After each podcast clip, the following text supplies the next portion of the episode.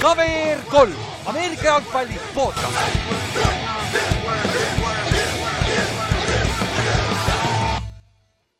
tere tulemast kuulama KVR kolm Ameerika jalgpalli podcast'i, minu nimi on Ülar ja minuga siin on Ott ja Kallaste. joo. täna me oleme kenasti on the clock'i, nii et let's go, let's be efficient, let's get through shit we have. Meil on liiga palju uudiseid läbi käia, kui siin viimase kahe päevaga on kolm, võib-olla kaks legendaarsemat NFL-i peatreenerit ära lõpetanud ja kõigi läbi aegade kõige legendaarsem kolledži peatreener ära lõpetanud oma karjääri. mitte võib-olla karjääri päris lõpetanud, aga ehk kohe, kohe räägime täpsemalt. ja meil on vaja paar äh, housekeeping stuff'i, Olipetis äh, on meil watchpartid.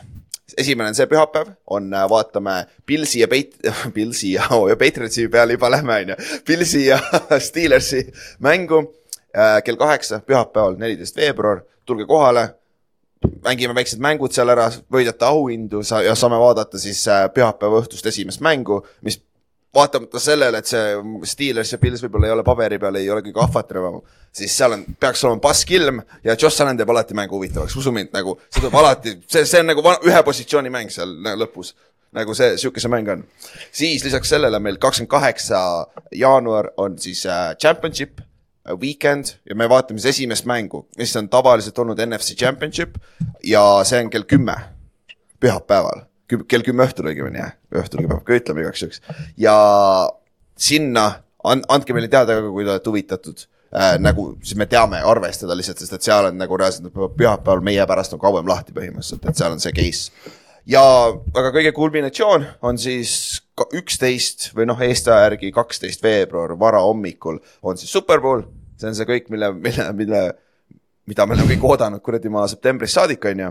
ja oi, meil on päris palju planeeritud, ma käisin täna ühele pakile järgi, jah, mis läheb sinna, sinna kohe loosi.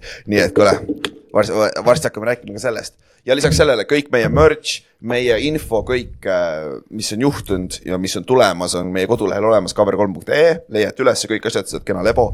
ja nüüd ennustusmäng ka veel, fuck it äh,. täna loosime välja ka ennustusmängu äh, võitjad ja äh, siis avalikustame ka, kes tegelikult ennustusmängu üldvõitja, esikolmik siis, kes on auhinnastatud ja siis kõik, kes sa, said esimese pildi peale meie ennustusmängus ehk siis top kakskümmend kaheksa. Teie vahel lähevad loosi siis äh, kolm kahekümne viie eurost Olipet baar ja grilli kinkekaarti. aga seal on see asterisk, et top kakskümmend kaheksa ja me läheme ka sinna arvesse, sest ma ei viitsinud hakata ümber arvutama. nii et kuna me kõik olime seda top kakskümmend kaheksa sees, siis me läheme ka sinna arvesse. Let's Okei, go me, ei anna ennast endale tasuta asju, aga siis ühesõnaga juhtus nii, et top kakskümmend neli siis läksid. kes on meie? jah, räägi enda eest, bro. Kalle, Kallastele link lahti, Kallaste saab nimesi juurde praegu. Coast'i, sada korda juurde, sest jah, ja, ja, ja okei okay,, ja siis äh, need kaks asja teeme pärast äh, recap'i ära seal keskel kuskil. ja nüüd ennustusmäng sai läbi, aga play-off ides on ka midagi vaja teha, muidu on igav vaadata neid mänge ju. ehk siis nagu me oleme teinud iga aasta, teeme siis play-off bracket challenge'i, mis on siis äh, selle March Madnessi bracket challenge'i taoline, kus sa pead enne play-off'i ära ennustama kõik võitjad kuni superbowli võitjani ja siis sa pead meile oma, oma tulemused saatma ja siis vastavalt peale igat raundi saame vaadata, kellel on kõige parem bracket alles ja kui on, kui sa saad ideaalse bracket'i, mis tähendab, et sa ennustad kõik kolmteist mängu õieti. no palju õnne, kui sa sellega hakkama saad. kaks kahesaja viiekümne eurone kinkekaart. aga kui, kui, kui keegi ei saa seda, mis mitte keegi ei ole ligilähedalgi olnud kolme aastaga, siis äh, meil on eraldi punktisüsteem välja mõeldud, kus äh, siis, mille võitja saab siis saja eurose kinkekaardi et selle, see täpsustus mul unus sinna lisamata sinna pilt reeglite juurde, et äh, see on ikka samamoodi nagu iga aasta olnud. Äh,. siis ja punktisüsteem on lihtne, peale esimest raundi iga õige ennustuse eest sa saad ühe punkti, siis peale teist raundi iga, iga õige ennustuse eest sa saad kolm punkti. Ja äh,, ja siis peale kolm, peale, peale kolmandat raundi sa saad iga õige ennustuse eest neli punkti. Ja siis superbowli võitjana kui sa ennustad superbowli võitja ka õieti, saad viis punkti, ehk siis tegelikult, kui sa mõtled loogiliselt, siis siin mängus on kõige olulisem ennustada ära superbowli võitja põhimõtteliselt, siis sa saad kohe automaatselt teatud arv punkte. et äh, see on nagu strateegia, et üritage, kuule, kuule selle ennustamine on raske juba ju, on ju? oo jaa. ei ole. nagu noh, me oleme ju iga aasta näinud seda ju, et, et ma ei tea, mul on iga aasta vähemalt see, et kui ma selle bracket'i ära saadan, ma mõtlen, davai, see aasta tuleb ära ka, vaata, see on täiuslik ja siis pärast esimest raundi on mingi neli tiimi välja langenud. Mul on äh, esimene aasta, kus äh, minu enda satsi ei ole, nii et äh, hoidke alt. ma saan päriselt, päriselt ennustada ka NFC poole. ma ei saa kurta, mul mul on üks ei- aasta nüüd olnud. aga, mul läheb raskeks. aga jah, jah äh,, siis sellega on iseenesest kõik ja noh, meil on see Google Doc, Google Doci on tehtud see täpne bracket ja seal on kastikesed, kuhu te peaksite linnukesed panema. põhimõtteliselt äh, ava see link, tee seal, võta faili alt, tee koopia endale Google, Google Drive'i, siis sa saad endale koopia, siis sa saad seda muuta. sest me ei saa seda teha aktiivselt muutjaks, sest et siis te hakkate kõik muutma seda samal ajal, lihtsalt ei saa keegi mitte vuhviga hakkama, vaata. et sa pead iseendale sellest äh, Google Sheet'ist siis koopia tegema, enda Drive'i ja siis see peaks toimima, Maci kasutajatel on probleeme tavaliselt olnud, aga kellelgi on PC tavaline Windows, peaksid hakkama saama, seal pange linnukesed ette, sest põhjus on see, et vaata NF, NFL-is ei ole nagu turniiritabel fikseeritud, see on see, et peale esimest raundi kõige madalam seeding läheb, mängib siis number üks seediga, vaata. et see on see asi, mis no kui sa oled piisavalt tark ja sa saad aru sellest loogikast, siis sa võid teha käsitsi ka jumala savi. sa võid paberi peal ka teha, Kaups tegi vist esimene aasta paberi peal, kui ma ei eksi, saatis mulle pilt. Fuck it, kui on õige nagu läheb arvesse küll, on ju, me lihtsalt tahame lihtsamaks teha. see, see on solid tegelikult, see on old school Jah. lüke, see on päris hea. ma saadan postkaardiga. kurat, nüüd hakkab tulema neid fuck sakes, miks me ütlesime seda. see on nagu see raadio, Raadio kahe aasta hitti saade ka minu arust see kolmkümmend aastat sai vanaks, alguses saadeti postkaartide ja, ja mingi faksidega ja mingite täitsa mingi debiilsetel meetoditel tuli neid. et need reeglid on jäänud täpselt samaks, aga no seal on vähe lihtsam, sa ei pea seal äh, kolmteist asja pakkuma, sa pead lihtsalt kolm äh, Eesti, Eesti ja kolm välismaa seda panema. veits lihtsam postkaardile panna kui bracket'it joonistada küll jah. Aga andke minna, creativity on olemas, sest te peate saatma selle meile ära laup-, Eesti aja järgi laupäeva õhtuks kell pool kaksteist meie emailile kaver3.podcast.gmail.com ja obviously te leiate selle igalt kohalt meie Facebookist, Instagramist, kodulehelt leiate need ülesse. meil on kodulehe.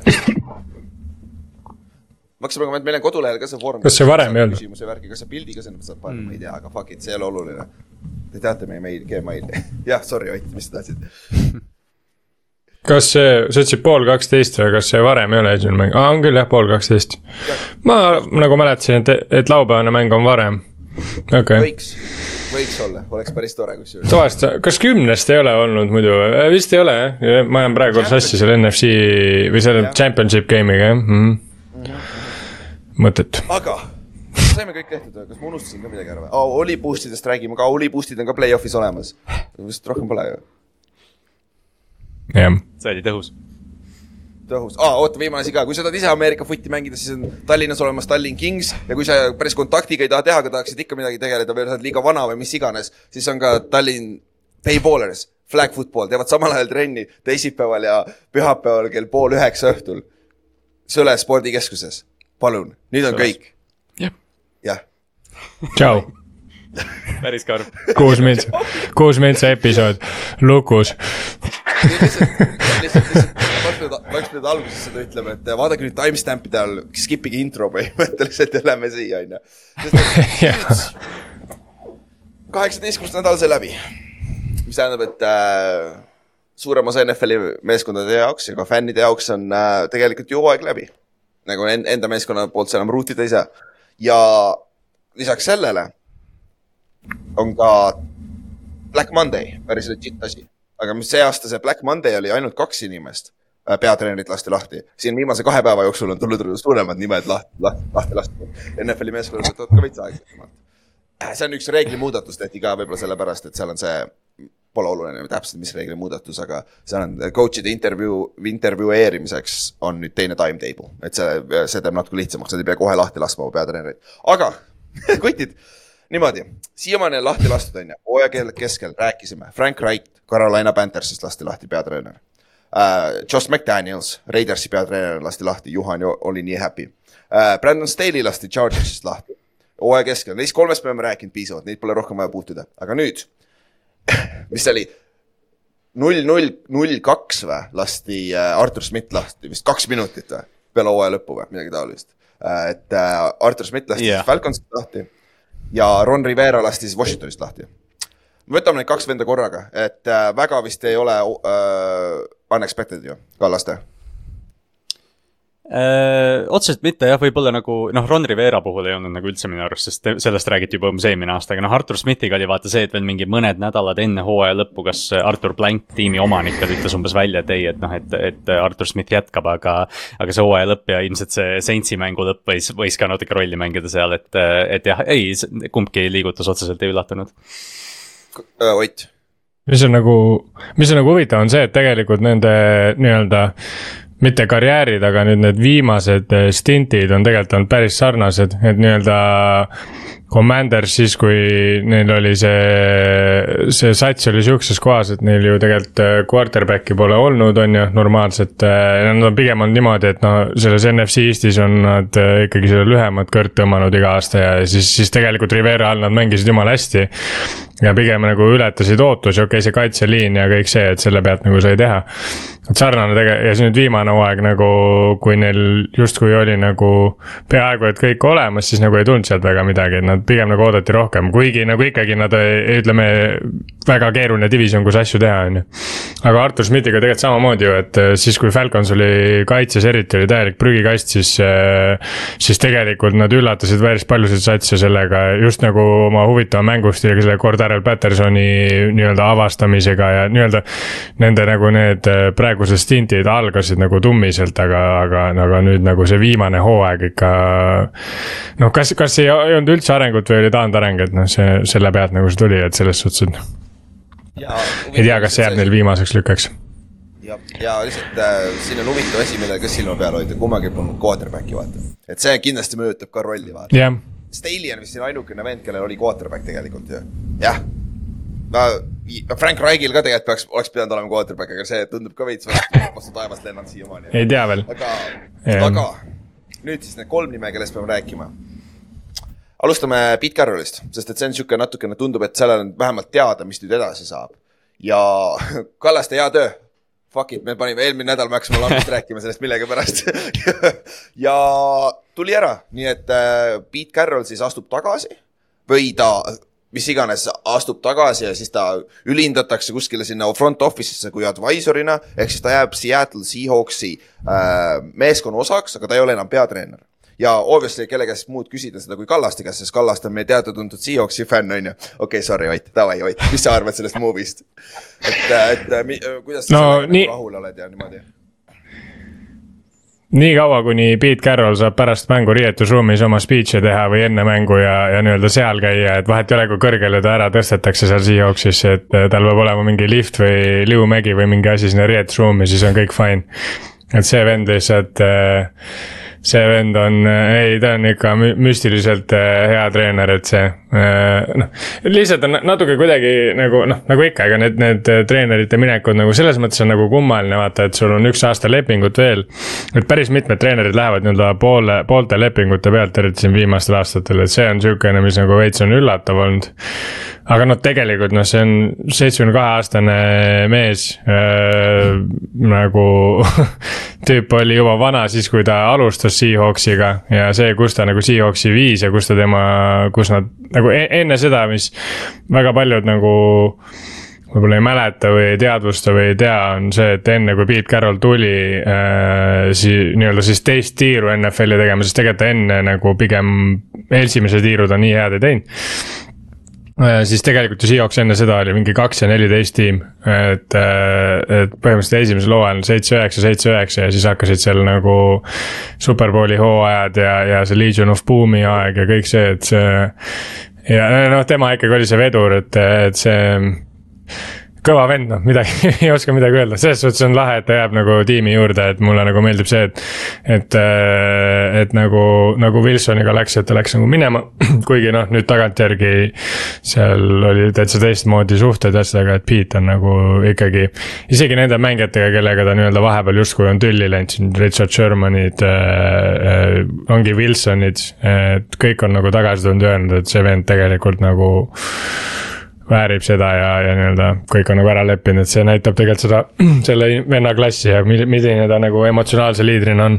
et ma jah südamest loodan, et riietusruumi nagu vahet ei ole, kes tuleb, noh, okei okay,, võib-olla tuleb keegi parem, aga raske on kohe näha, kes see parem on Seahawksile kui aus olla ja sellest saame natuke spekuleerida ka, aga lihtsalt kiire küsimus. Hall of Famer on ju, ta, ta on ju, tal, sa puhtalt sellepärast, et yeah. Seahawksi, Seattle'i esimese superbowli, ta on äh, Seahawksi läbi aegade kõige parem peatreener, tal on sada seitsekümmend võitu NFL-i karjääri jooksul, mis on täpselt sama palju kui näiteks Tom Coughlinil. Giantsid peatreeneriks yeah. kaks korda superbowli, et uh, Hall of Famer on ju ja ei, ma noh, mul on väga biased, aga ma küll ei näe varianti, et see on niukse. kui sa oled ühes tiimis NFL-is suutnud olla neliteist hooaega järjest, siis minu arust ja seal nagu noh, jah, ütlemegi jah nii, kui sa oled suutnud ühes tiimis olla neliteist hooaega järjest oli neliteist, see oli viieteistkümnes hooaeg vist. siis sa oled põhimõtteliselt hall of fame treener suht kindlalt, seepärast et lihtsalt mitte sellepärast, et noh. kui sa oled kogu aeg kuus ja kümme või tänapäeval kuus ja üksteist, siis sa ei ole viisteist aastat järjest sama, sama satsi treener. et, et selles mõttes jah. aga jah, see. ma arvan, et see on ainuke asi, mis siin on, on see, et treeneritel on väga raske Hall of Fame'i saada, lihtsalt see tundub, et nad peavad nii palju ootama yeah., millegipärast see tundub see ja kurat, kahjuks ta vanus on ka juba nii palju, et nagu tihtipeale nad ootavad liiga kaua sellega. et nagu see vanus tiksub ka peale, sest et kõik teavad, et kui, kui, tervislik on peatreeneri elu, elu kuradi töö ka on ju. et see, see jutumärkides väga, väga Aga... reaalne on see, et ta saab postuumselt oma auhinna jah, ma mõtlesin ka mingi aeg selle peale, et äh, see võib väga vabalt nii juhtuda, et a la mingi sellel hooajal siis, kui ta ükskord äh, järgmistele peenardele läheb, siis äh, siis see, see võibki olla see, kus ta nagu saab nii-öelda hall of fame'i, seepärast et jaa, nagu sa ütlesid, treenerid saavad nagu, nad ei saa nagu siin mis iganes see viieaastane aken on või see eligibility on veits shady ka treenerite jaoks, sest noh, nagu Pete ka, ta ju tegelikult jätkab ikkagi tiimi juures, siis see on nagu see, et noh, et ta, ta noh, see, seal on nagu raske panna seda retirement kuupäeva raskem kui mängijalt, siis võiks öelda aga järgmine move, mis oli, oli Mike Vrabel, üllatuslikult lasti lahti Tennessee Titansist ja jällegi Kallas me rääkisime sellest ka eelmine nädal, on ju. ja siin on mm -hmm. väike, väike nugget ka selle koha pealt, et äh, peatreeneritel lepingud on niimoodi tehtud, et neid ei saa treidida ilma peatreeneri nõusolekuga NFL-is, see on reegel. Nad väidetavalt tegelikult oleks tahtnud treidida Vrabelit ära, sest ma arvan, oleks olnud market, aga see, see tähendab äh, Mike Vrabeli nõusolekut ja ma arvan, et ta ise ei taha treidi, pigem oleks see, et miks sa tahad minna kuskile meeskonda, kus sa, see meeskond, kuhu sa lähed, kus sa tahad edukas olla, siis see meeskond peab sinu eest andma midagi vastu, et nagu pigem lase lahti, on ju. esiteks sa saad raha ka, on ju. kindlasti mm. mingil määral on äh, fikseeritud summa, on ju. ja, aga see tuli ikkagi päris suure üllatusena tegelikult, sest et kõikide mängijate ja meedia poolest ka seal ikka väga suur üllatus. nii et Kallaste, kui, kui suur see üllatus oli sinu jaoks tegelikult ja mis sa arvad nagu, mis nüüd edasi saab Mike Vrabeliga? Äh, üllatus, üllatust oli kindlasti jah, selles mõttes või, aga võib-olla see kõige üllatavam element oli see, et ta vallandati. mis noh, ilmselt ongi see, mis sa just ütlesid ka, et, et noh, ta, ma oletan, et talt küsiti, et kas me võime sind treidida, siis ta ütles, et ei, fuck you, et saatke mind ära, kui te tahate mind ära saata, eks ju, et, et noh, see on, ma, Mike Vrabel, ma arvan, ei ole inimene, kes nagu tuleb ilgelt vastu kellelegi seal niimoodi äh,. aga, aga noh, see vaata, ta on natukene nagu õhus olnud mõnda aega ja siis seal on mingid sosinad, et noh, et GM-iga tegelikult ja see on ju noh, see on ju planeeritud abielu selles mõttes, et nad ei ole ju noh, nad ei ole tingimata vist kõige paremini nagu koostööd alustanud ja, ja noh, see Patriotsi ruumor on ju terve aasta üleval olnud, et, et noh, eks näis muidugi, mis Vrabeliga juhtub, aga.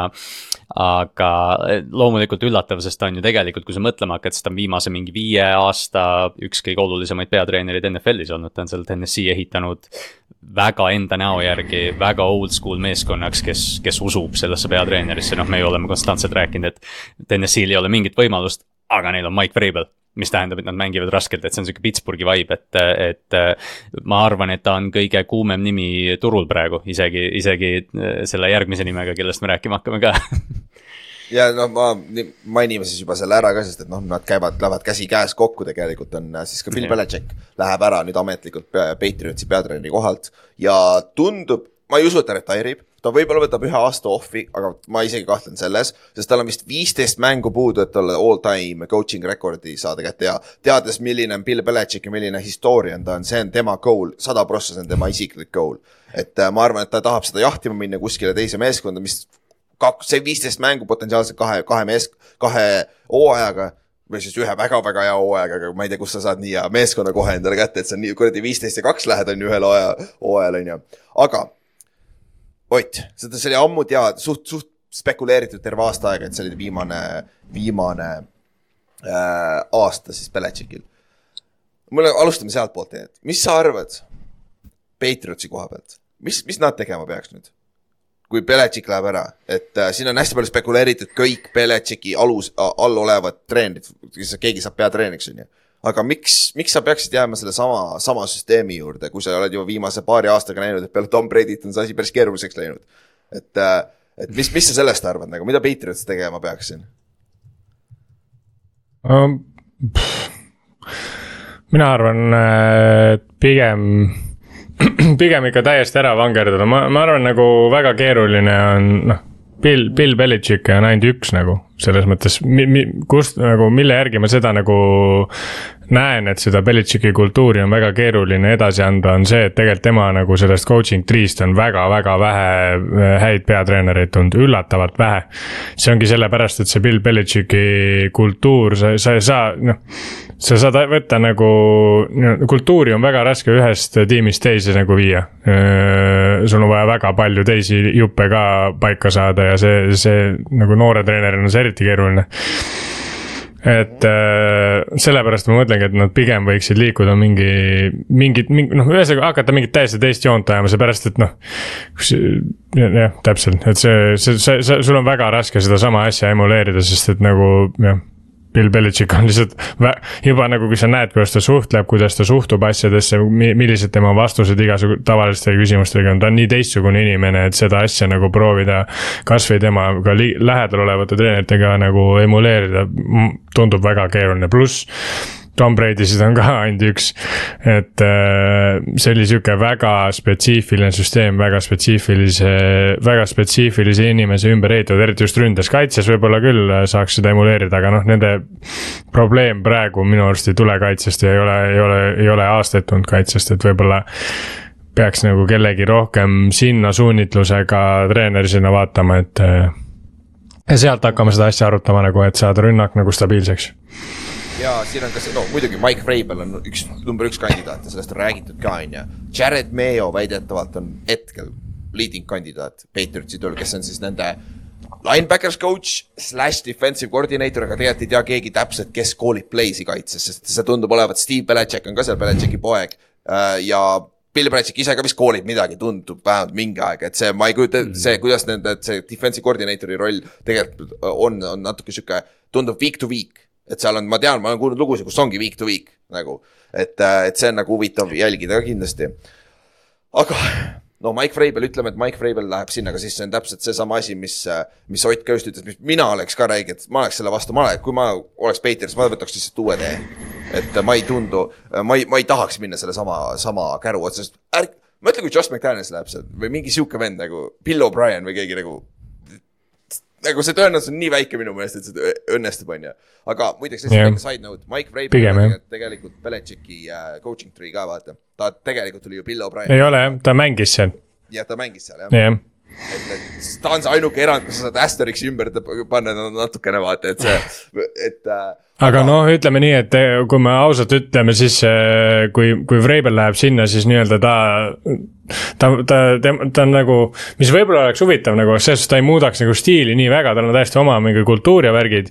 stiil nii väga ei muutuks, ehk siis tõenäoliselt ta saaks väga palju juppe nagu taaskasutada, vaata, et äh, ongi, hakkavad läbi Stevensoni ja selle ei saa öelda, Ziki põhimõtteliselt nagu neid satse puruks jooksma, mängivad seda vana kooli Patriotsi jalkat, on ju aga noh, noh, mulle tunduks ülivõõras, aga noh, see on võib-olla lihtsalt mingi kiiks, et Patriots mängib sihukest mingi run, run and gun äh, stiili jalgpalli, see tunduks nagu väga kummaline, aga noh, see on lihtsalt sellepärast, et sul on kakskümmend neli aastat ühtemoodi jalgpalli mängitud, et äh, jah. aga Kallaste vaatamata kõigele, mis siin viimase paari aastaga on juhtunud selle Patriotsiga ja kogu see draama ja pagana see offensive koordineetori draama väidetavalt eelmine aasta on ju, see aasta.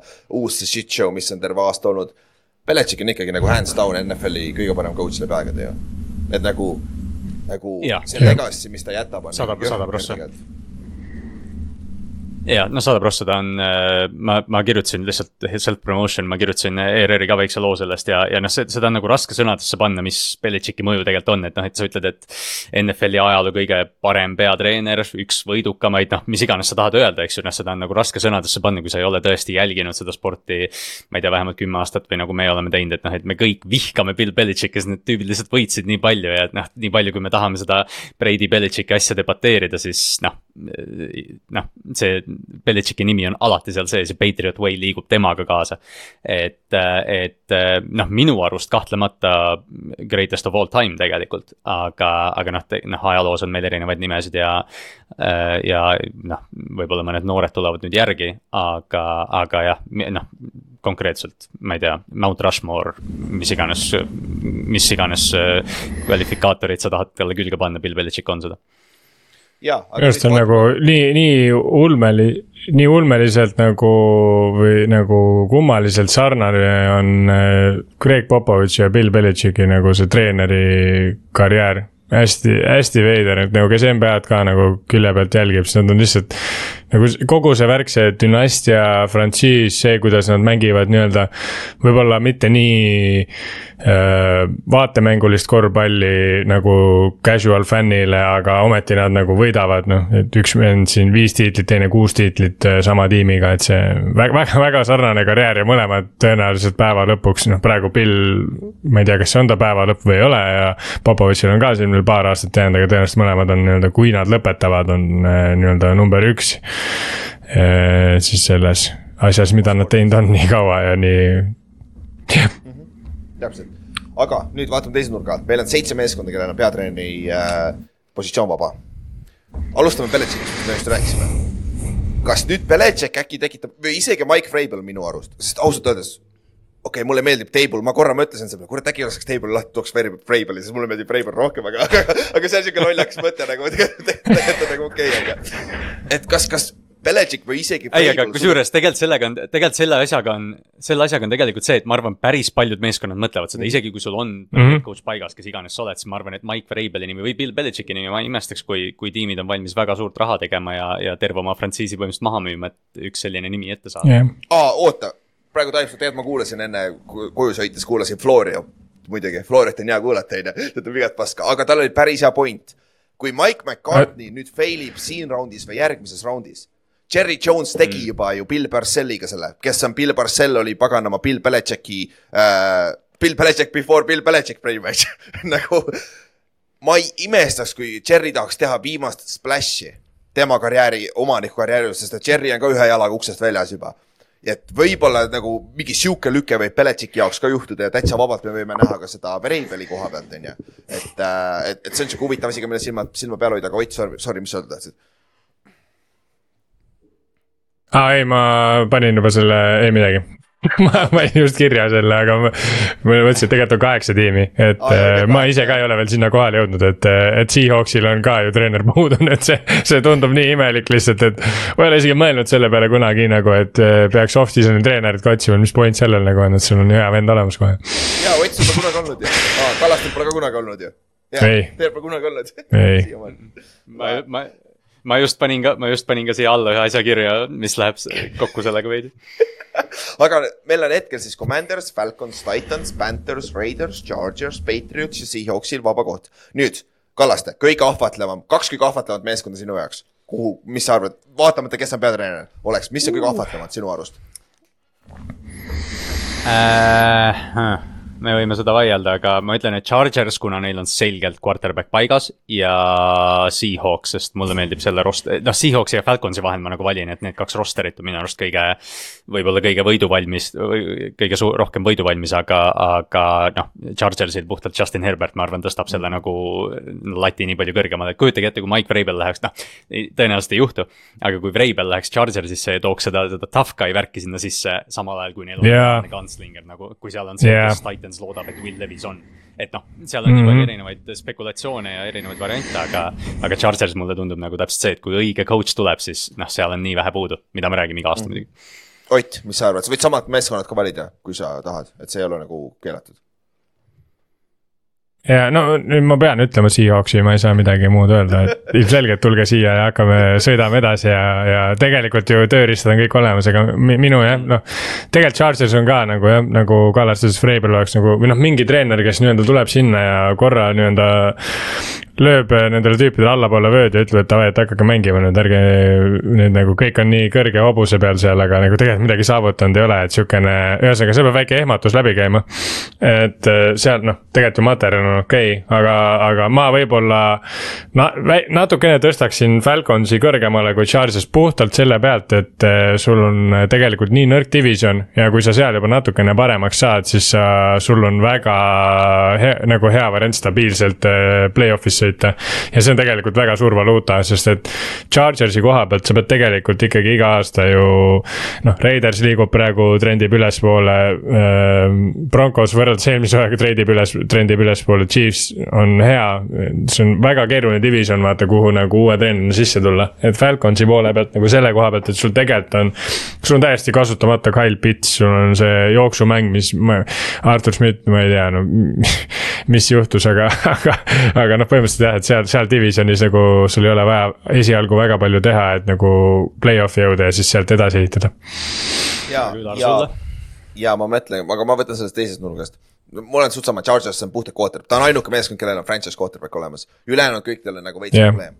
aga kui sa vaatad teiselt poolt, Panthers on kõige, minu meelest kõige nagu mitte ahvatlevam puhtalt omaniku pärast ja sama võib ka öelda natuke Commandersi peale, sest me ei tea, tundub, et need uued omanikud tulevad NFL-i natuke teise mentaliteediga, mis on Josh Harris, mis move'e nad on teinud ka juba. et nagu see on sihuke, see võib olla väga hea, aga samas ma ei tea, kui kurat, kui kannatlikud nad, ta, nad, ta, ta suudab ka olla, on ju. et, et selle koha pealt, aga Commandersil on üks eelis, see on, see on väga historic, vaata meeskond. et sa saad seal nagu seda legacy värki ja noh, teine meeskond, kes on obvious, kes point ib out'i siin on Raiders nagu Raiders, me kõik, kõik teame, kes on Raidersi fännid, me kõik teame, kes on Raidersi meeskond traditsiooniliselt olnud. Ja fuck, kui nad Antonio Pierce'i ei võta ära, sest nagu nad on natuke lollakad sest et nagu saad sa aru mm, -hmm. Antonio Pierce ei ole hea kaitsekoordinaator, ta ei ole kunagi kaitsekoordinaator olnudki ju NFL-is. ta on kolledžis minu meelest, kas ta, ta, ja, ta, on kait... NFL-is, ta on NFL-is kaks aastat olnud ja ta alustas ja. ju kolledžis kaks tuhat üheksateist või midagi, et selle Pierce'iga on ka, sorry, ma segan sulle lihtsalt praegu julmalt yeah. vahele, aga selle Pierce'iga on see, et vaata, need interim peatreenerid töötavad nii harva, et, et me võtame yeah. nagu, me võtame nagu nii loomulikult seda, et Antonio Pierce peaks olema. aga kui mingi Jim Harbaugh ukse taha tuleb, siis sa pead mõtlema selle peale tegelikult sada prossa yeah. sul on õigus selles suhtes ja kas ta, ta oli vist kolledžis kaitsekoordinaator, ta oli Herm Edwardsiga seal Arizona State'is vaata. kuni see, kuni see kuradi skandaal juhtus seal ka, mis ikka NCAA-s tuleb, on ju.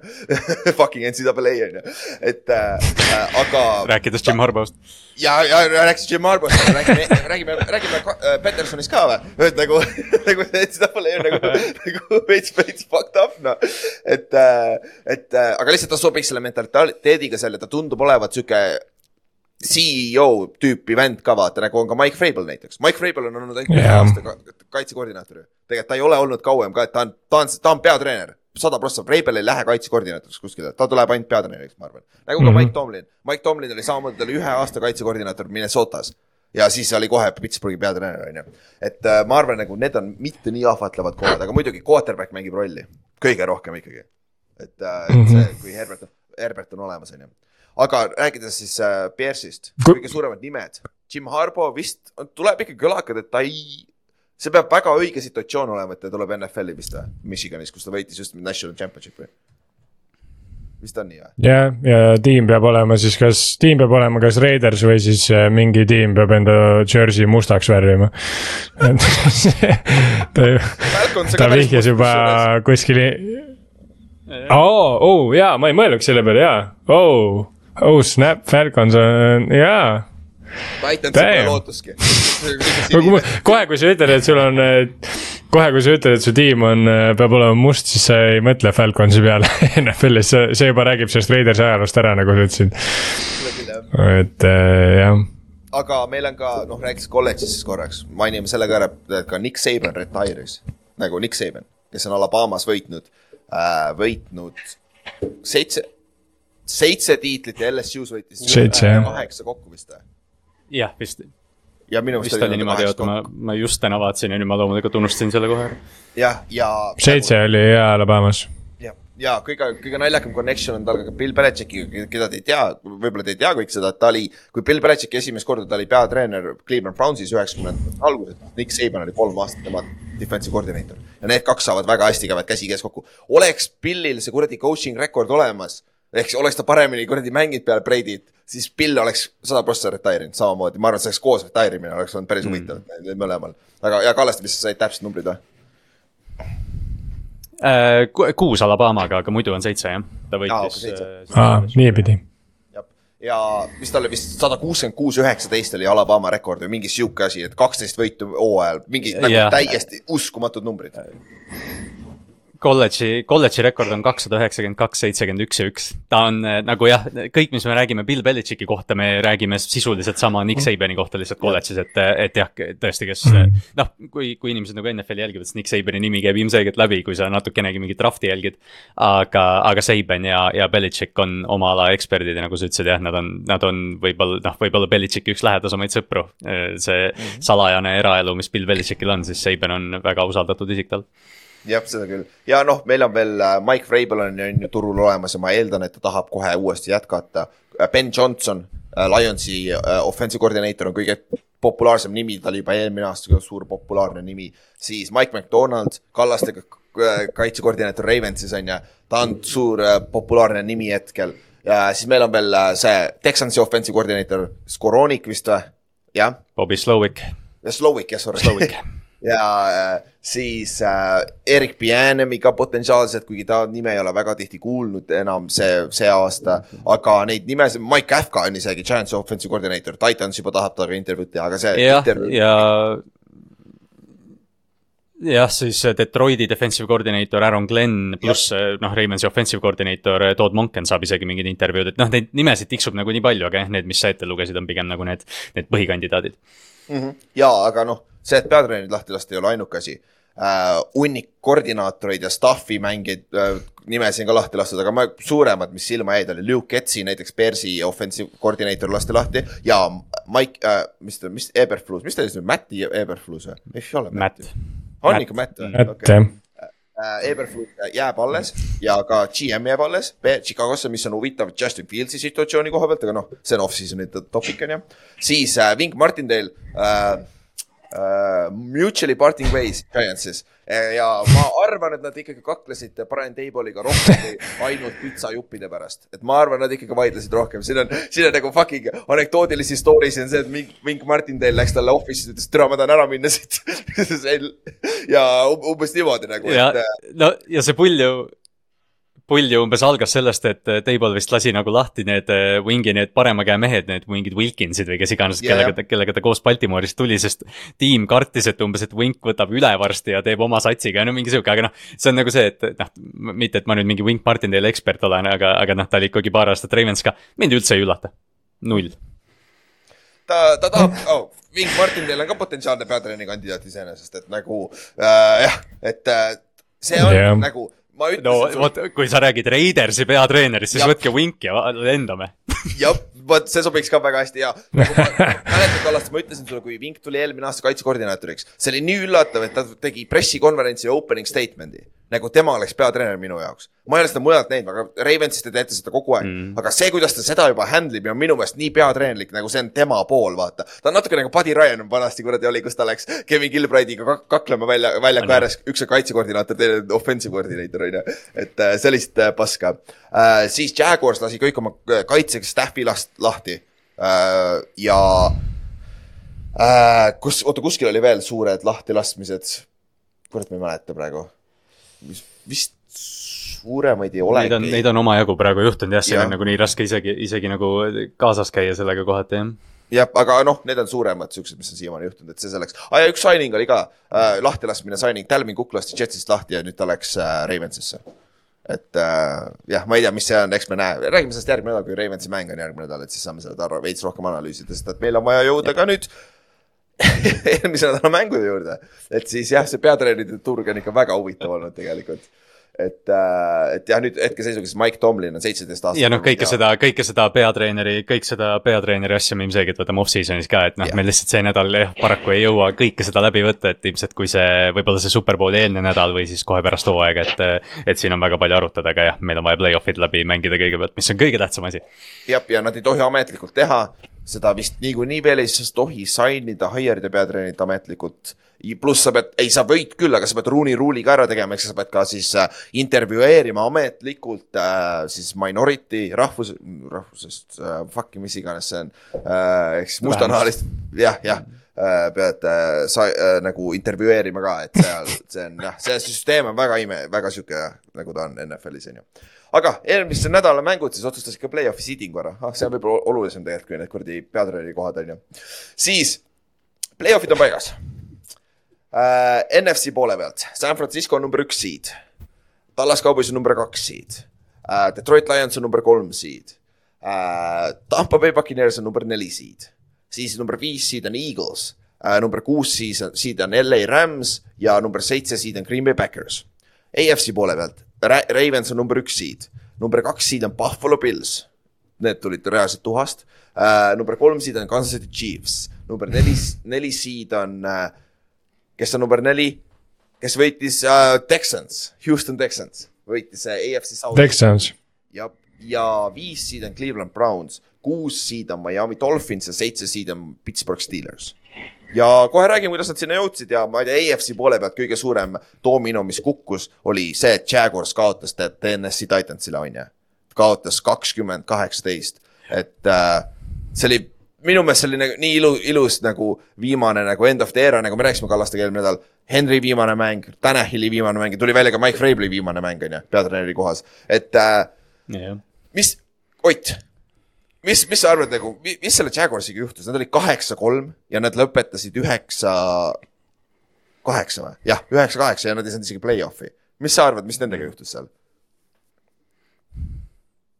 mm,.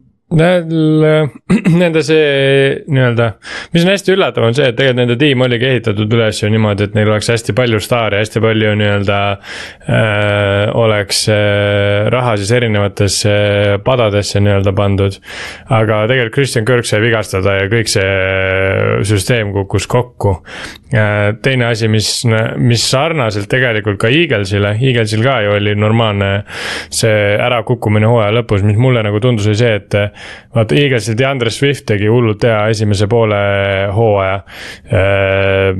jõhkralt jooksis, püüdis, tegi kõike seda, mis DeAndre Swift nagu, mis temast oodati ka Lionsis ja üldse tema karjäärist oodati, hullult hea oli ja siis järsku kadus ära. mis nüüd Eaglesi erinevus äh, Jaguarsiga, kui Jaguarsis tegi seda Travis Etienne, oli see, et äh, Eaglesil oli natukene teisi samme ka, mida teha. Jaguarsil konkreetselt, kui Etienne ära kadus, kadus nagu jooksu poole pealt vähemalt absoluutselt kõik ära. ja tegelikult, kui sul juba kaob see üks element äh, ründest ära, siis on päris raske kõike muud ka kokku panna, sest noh, kaitses nad ei olnud mingi eliittiim ähm,. ja noh kui sa, kui sa ei saa, üldse ei jookse, siis, siis on väga raske ka seda viskemängu tööle saada. jaa, aga Kallaste, mis sa arvad nagu äh,, Lawrence vist kolm vigastust see aasta olnud, mis on päris jõhkrad vigastused, kusjuures on ta ka see poiss mängib, on ju. et kui palju see mängis rolli, mis sa arvad, et äh, kas Lawrence üldse oli terve tegelikult või? Äh, ma just siis, kui sa küsisid Otilt, siis ma mõtlesin, et, et kas Ott ütleb selle ära, aga, aga jäi mulle jah, et, et ma arvan, et see Trevori, ma arvan, et me saame teada, kui vigastatud Trevor Lawrence tegelikult oli nagu alles noh, nädalate pärast Mhm. et see, noh, see oli puhtalt, ma mäletan lihtsalt ise vaat selle Ravensi mängu põhjal, kus ta oligi, et noh, et tal oli ju see mingi räige ankle sprain, et kas ta mängib. ja siis tuli välja, et aa, ma saan, et aa, kaks päeva hiljem oli trennis ja kõik ja umbes no mingid hobuseraustid on sees tal.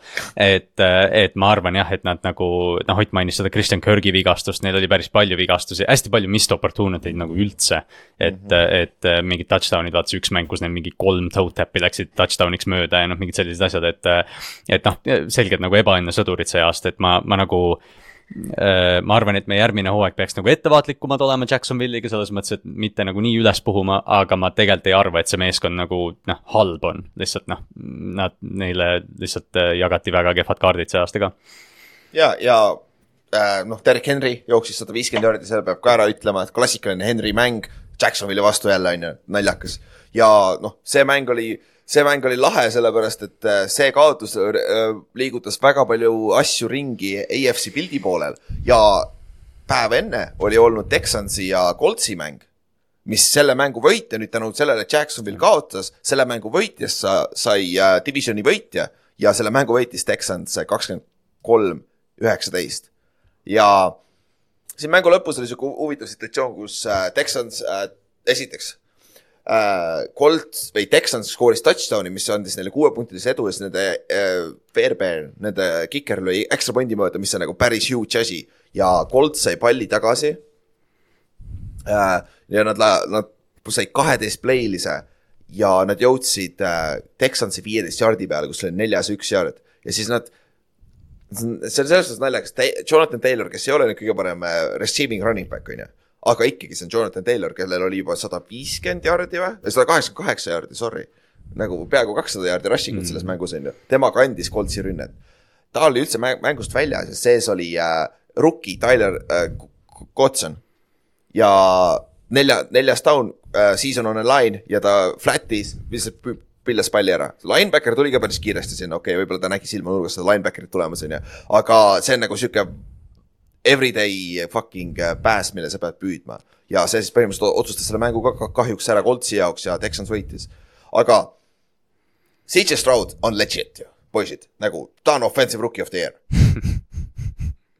või mis, mis te arvate?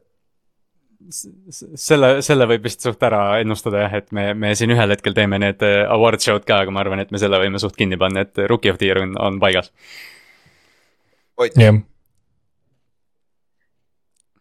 Ja ei, siin ei ole midagi vaielda, mina ei saa lihtsalt sellest aru, et okei okay,, sul on Jonathan Taylor on äh, väljas, aga sul on Zack Moss ka veel.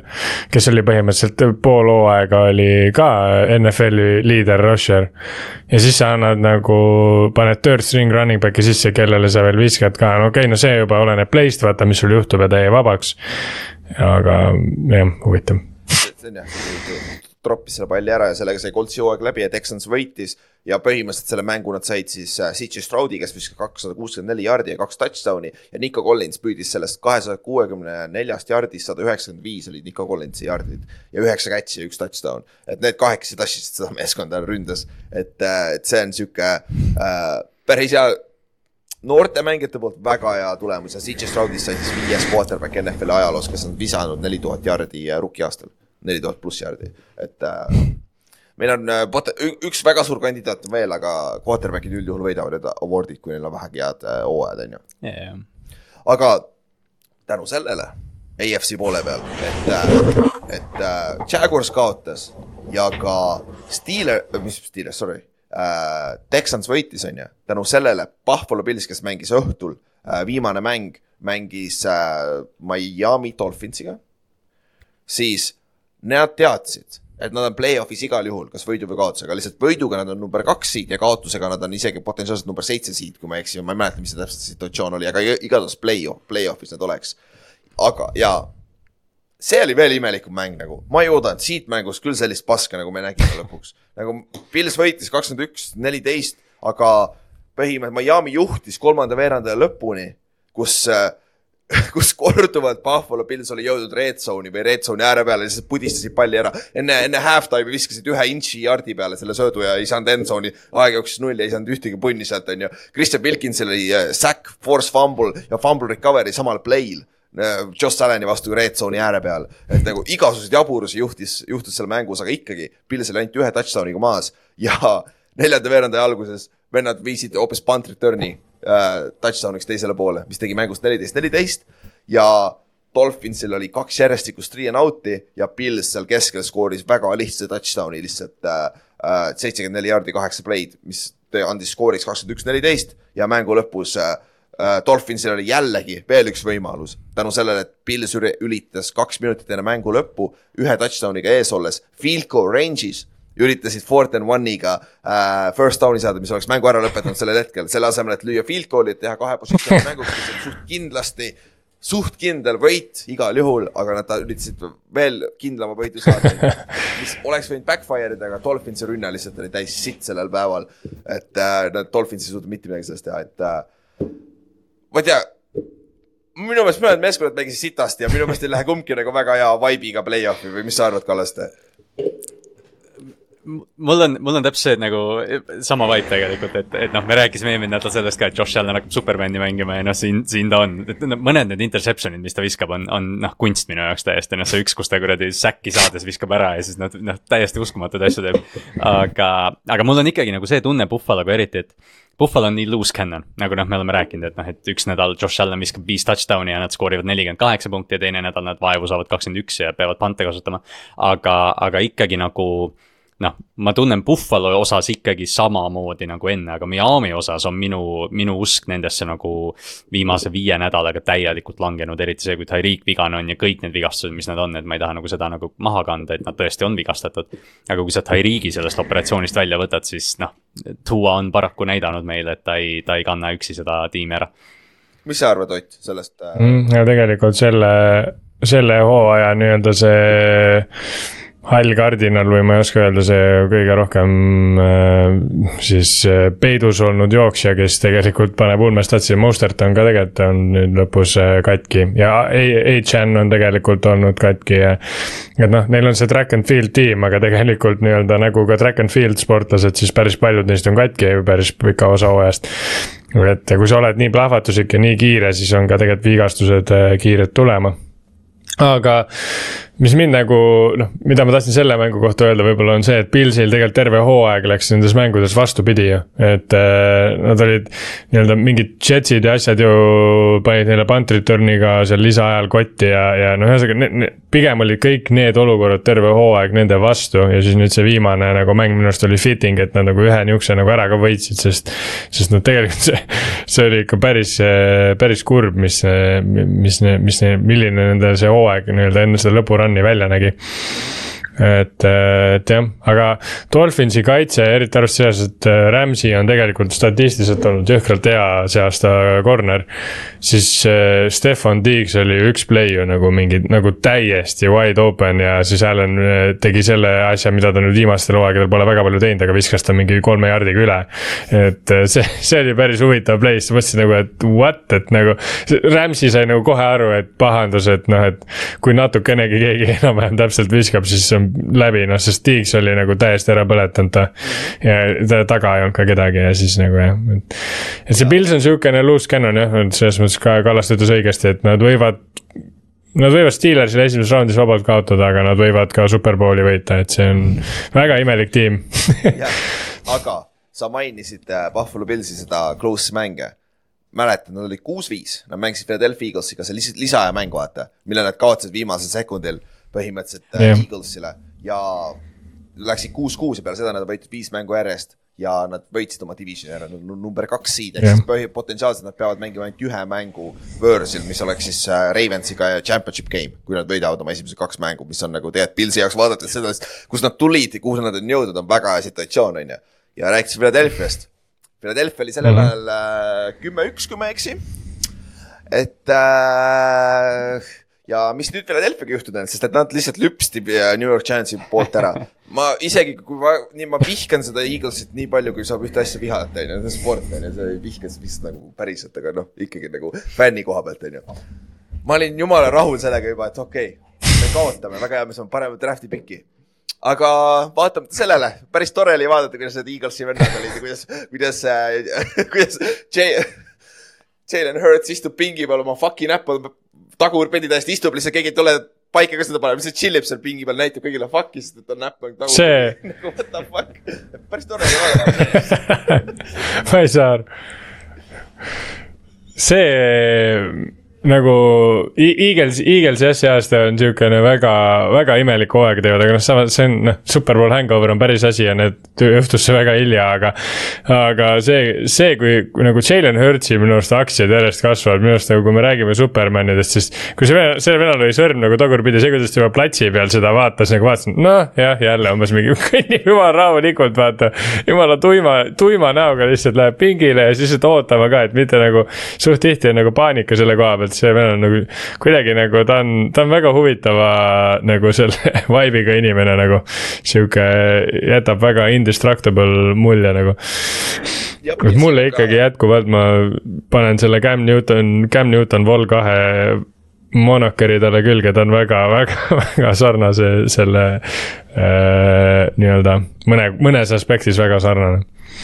Ja teine asi, see on ainuke vigastus, H.J. Brownil on põlvevigastus, mis nüüd kokkuvõttes tuleb, tundub välja, et ei ole kõige hullem yeah., aga ikkagi see ei aita ka kaasa, vaatamata sellele, et Devonta Smith ei mängigi selles mängus, tal on hüpeka vigastus, on ju. ja võib-olla üks, üks, üks stat, mis ma leidsin, mis on selle Eaglesi, nad on kaotanud siis kuuest mängust viis ja see ainuke võit oli Giantsi vastu esimene mäng et nad on nagu täiesti kollapsinud sinna hooaja lõpus ja nende turnover mhm. margin peale viit kolmeteist on olnud miinus kaheksa. Ja mida nad tegid äh, ise eelmine aasta, nad ise ründes ei teinud neid pallikaotusi ja nende kaitse tõi neid pallikaotusi pluss säkke ja andsid neile nii palju opportunity eid ja nad mängisid alati eest. Ja see oli nende eelis vaata eelmine aasta, aga see aasta nad ei suuda neid liide võtta ja mm. ei suuda hoida, minu meelest nagu see on kõige ehe näide, et neil on ikka ma ei oska isegi ühe, ühe, ühe asja poole näidata, et terve kuradi kaitse on probleem. Hurts ei mängi ka hästi, jooksumängu ka ei ole, ründeliin ei mängi hästi, keegi ei mängi hästi lihtsalt, vaata. minu arust on nagu, minu arust nagu kõige üllatavam, vaata kaitse poole pealt on nagu see, et nende DC ju läks minema ja, ja läks ju nende DC ja, ka minema ja ikka läks ju. ja ja et nagu neil ju linebacker eid ei ole ja no ühesõnaga nende, nende kaitse muutus ka veits on ju, aga mis mind nagu üllatab rohkem, on see, et. nagu kuidas nende jooksumäng järsku ei toimi, et kas äh, päriselt nagu. see, nende koordinaator oli tõesti nagu nii osav, sest et neil tegelikult ju mis, mis vahetus oli see, et Miles Sanders läks minema ja Rashad Penny tuli juurde, Rashad Penny't nad ei ole kasutanudki põhimõtteliselt. et nagu üllatav on see, et nagu Neil on äh, ju Swift, Gainwell, Boston Scott ja, ja, ja siis Rashad Penny. Ja nagu Swift on nagu by far kõige rohkem carry sid ja, ja kasutust saab nagu jooksja, mis on nagu väga kummaline, sest nad on varasemalt on kogu aeg see tiim, kes. nii-öelda neil on terve posu jooksjaid eh, ja siis lihtsalt nagu kõik saavad mingi, mingi protsendi nagu kasutust ja nagu väga sihuke. see, see on nagu hästi imelik, et nad on kuidagi sellest nagu filosoofiast mööda läinud ja pigem nende rünnak on ka sihuke hästi ühe, ühenäoline. et AJ Brownile söötu, kui tema vaba ei ole, siis võib-olla Smithile üks sööt ja siis eh, põhimõtteliselt, kui see joosta siis Swiftiga, väga nagu imelik. Ma arvan, et see suur probleem äh, ongi see, et tiimid, kaitsjad ei karda Jalen Hurtsi, lihtsalt, nad ei karda kätt üldse. et, et kui sa valid nagu mürgi Philadelphia vastu, siis sa pigem ka peatad jooksu ära, sest äh, kas Hertzil on kõige rohkem turnover'it see aasta või oli Sam Howellil, aga ma ei mäleta, Inted on igatahes palju visanud yeah.. ja noh, see tulebki tagasi selle juurde mm, -hmm. et Devonta on vigane ja AJ, AJ ka ei võida nii, nagu ta eelmine aasta võitis, et hooaja alguses oli küll, et noh, et me rääkisime tihti ju sellest, et noh, et viska seda alley hoop AJ Brownile ja toob ära. aga mm, -hmm. aga kui sa saad, kui sa noh, Hertz on nagu sihuke noh, ma ei taha nagu maha teha teda selles mõttes loomulikult, aga, aga ta on nagu üsna selgelt selline, et noh, et kui sa nagu sunnid teda söötma, siis Eaglesi, Eaglesi rünne on ära vajunud. noh, see on lihtsustatud muidugi kõik, aga, aga noh, ma arvan, et suur osa sellest on see. nagu Nick Bosa ütles, hoia teda pocket'is ära, lase tal rollida välja ja siis ta ei näe neid, ta ei, ta hakkab kohe rush'i vaatama väidetavalt, et see on olemas, nagu väidetavalt oli see kõige suurem probleem, et niipea kui on, kuskilt tuleb press, ta hakkab seda vaatama, ta ei vaata enam downfield'i, kus ta peaks viskama, on ju. aga noh, me ei ole keegi kuradi coach'id ega mingi analüüsid, see on lihtsalt asju, mida me paneme kokku oma kahe silmaga ja mis me loeme meediast ja nii, et noh. Take it with a grain, grain of salt, on ju. nüüd, Ott, enne kui sa pead ära minema. Te võitsite Cardinalsi vastu. Jälle, arva ära, kuidas. Gino Smith, last second uh, game winning uh,, game winning drive on ju. ja siis läksite two point conversion'ile ka seal peal, et uh, võitsite kakskümmend üks, kakskümmend. ja Pete Carroll võitis oma viimase mängu, see oli saja seitsmekümnes võit tema karjääri jooksul, nagu varasemalt öeldud ka. ja mis on siis viieteistkümnes Äh, ta on siis äh, Tom Coughlini ja Mike Shanahaniga tegelikult viigis. mõlemad on superbowl winning coach'id ja ka muidugi Pete Carroll ise on. ja, aga kahjuks, kuna Backers võitis samal ajal, siis te keegi play-off'i ei saanud, te olite kaheksas seed. aga kuidas sa jäid rahule oma viima-, oma meeskonna viimase esitlusega see aasta? ei, ei jäänud väga rahule, aga noh, Cardinals oli tegelikult pärast seda, kui Tyler tagasi tuli, nüüd täpselt sihuke team to lose nagu eh,. To lose to, sellepärast et Tyler tegelikult on. Ma ei tea, miks ta vahepeal nii-öelda kuskile täiesti sinna prügikastide alla sinna rataste vahele visati, selles mõttes, et ta tegelikult on ju pagana hea quarterback, MVP kandidaat olnud äh, väga kõrge. Ta on tegelikult, tal on, eriti veel, kui tal ei ole mitte midagi kaotada., ainuke põhjus oli Jaa. see kuradi loll Call of Duty Jaa. meem, mis nagu siiamaani on nii Jaa. naeruväärne asi minu jaoks, et noh, et, et. on küll jah, sest ta ei ole nagu kedagi, ta ei ole kellelegi halba teinud, ta ei ole nagu, ta on tegelikult olnud nagu väga hea kvaliteediga, see, mis olukorrast ta tuli ka Cardinalsi oli tegelikult ju, Cardinals oli täiesti prügi nagu, et äh, et äh, okei okay,, rohkem Kylerist ei pea rääkima, aga ei, mul nagu selles mõttes oli sihuke bittersweet, et noh, sa nagu võitsid selle, aga samas sa nägid, ega noh, kui me oleks play-off'i saanud sihukese mänguga, me ei oleks nagu väga midagi seal teinud, et see, see oli sihuke kui võtta nagu eelmist aastat, siis, siis oli see suur küsimus, et kas Gino suudab nagu comeback win'e teha, see aasta nagu pigem ta ainult comeback win'e tegigi, see oli nagu äge, aga nagu kuidagi on sihuke, et mi- mis on nagu positiivne või noh, natukene nagu jäi sihukene no man's land'i mulje, seepärast et me ei saanud play-off'i, meil on jumala okei tiim, aga meil nagu midagi on puudu, mis puudu on, ei tea, sihuke väga imelik nagu olukord, kus olla. ja nüüd nagu Pete Carrollit ka ei ole ees, et see on sihukene muudatuste aeg, aga ma ei, ma ei isegi ei tea nagu, mida ma tahan nagu, et see on hästi sihuke loll olukord, kus olla. et ta, et kui olla nagu täiesti pask, siis sa tead, et asi trendib üles, kui sa oled nagu väga hea, siis sa oled sellega rahul, aga kui sa oled sihukeses kohas, kus sa täpselt oled play-off'i ukse taha, siis see on sihuke, ma ei tea, not best ütleks kokkuvõtteks. jah, me rääkisime sellest kalast eelmine nädal täpselt sama, see topik on nagu see huvitav, väga, väga imelik koht olla ja pluss nüüd teil nagu tundub nagu täielik turnaround ka peatreeneri kohal Jah. Mis sealt saab, on ikka päris crazy jah.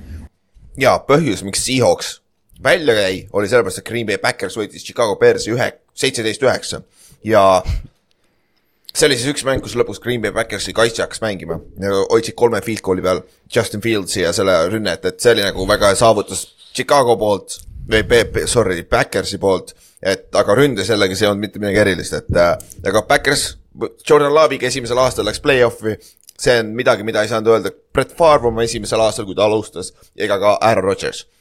et äh, Kallaste mingi suurem takeaway siit mängust ma arvan, et sa ütlesid selle ära, ma noh, ma ei taha nüüd, ma ei tea, siin ekstreemsustesse minna, aga ma arvan, et Backers on leidnud äh, uue quarterback'i omale, mis on see, mida me kõik mingil määral või noh, et iga tiim, kellel on natukenegi mingi quarterback'i kahtlus siin viimased paar aastat olnud, ma arvan, vaatab seda Backersi olukorda ja mõtleb, et no what the fuck noh, et, et kas nad tõesti Jep. leidsid järgmise venna, sest, sest äh, või noh, ja lisaks Laavi asjale veel see, et Laav noh, tõesti hästi mänginud on, ta on ju, kas ta oli BFF-i järgi mingi alates week kolmteist NFL-i parim quarterback või midagi sellist. ja siis see, et kolmkümmend üks tema kolmekümne kahest viskest läksid äh, siis kas rookile või teise aasta mängijale. et noh, me oleme rääkinud terve aasta, et need, see on mega noor tiim, aga see on tõesti mega noor tiim ja nad saavad panuseid Bo Meltonilt ja Jaden Reedilt ja nüüd nad lähevad play-off'i, et, et Matt LaFleur tõestas ennast ja Jordan Love tõestas ennast. Kas ma ei, kui ma õieti mäletan, siis neil on seitseteist mängijat viiekümne kolme mehelises rosteris, kes on sündinud aastast kaks tuhat või hiljem. ehk nagu that makes me old me, oleme vanad.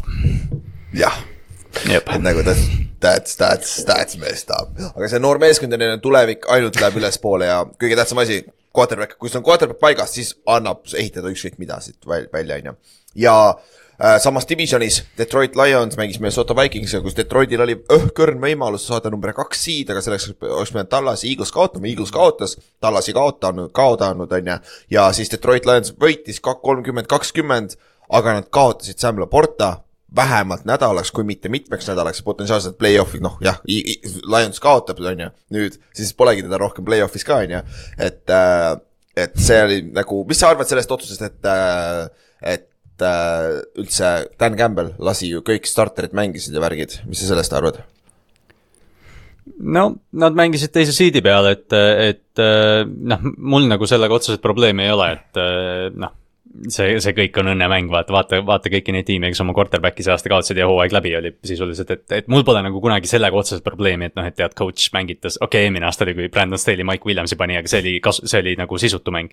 et noh, siin oli, et Lionsil reaalselt oli võimalus ja, ja ma nüüd, ma ei mäleta, ei, nad mängisid ikkagi lõpuni ju vist kohvide ja kõigega välja, et et noh, see on Dan Campbell, selles mõttes, et ma ei oodanud äh, midagi muud temalt täpselt sama asi, siis ma oleks selle sama asja öelnud, et see on Dan Campbell, kui Dan Campbell ei tee seda, siis täna meeskond vaataks talle otsa, mida sa teed, kes sa oled tegelikult? Nagu.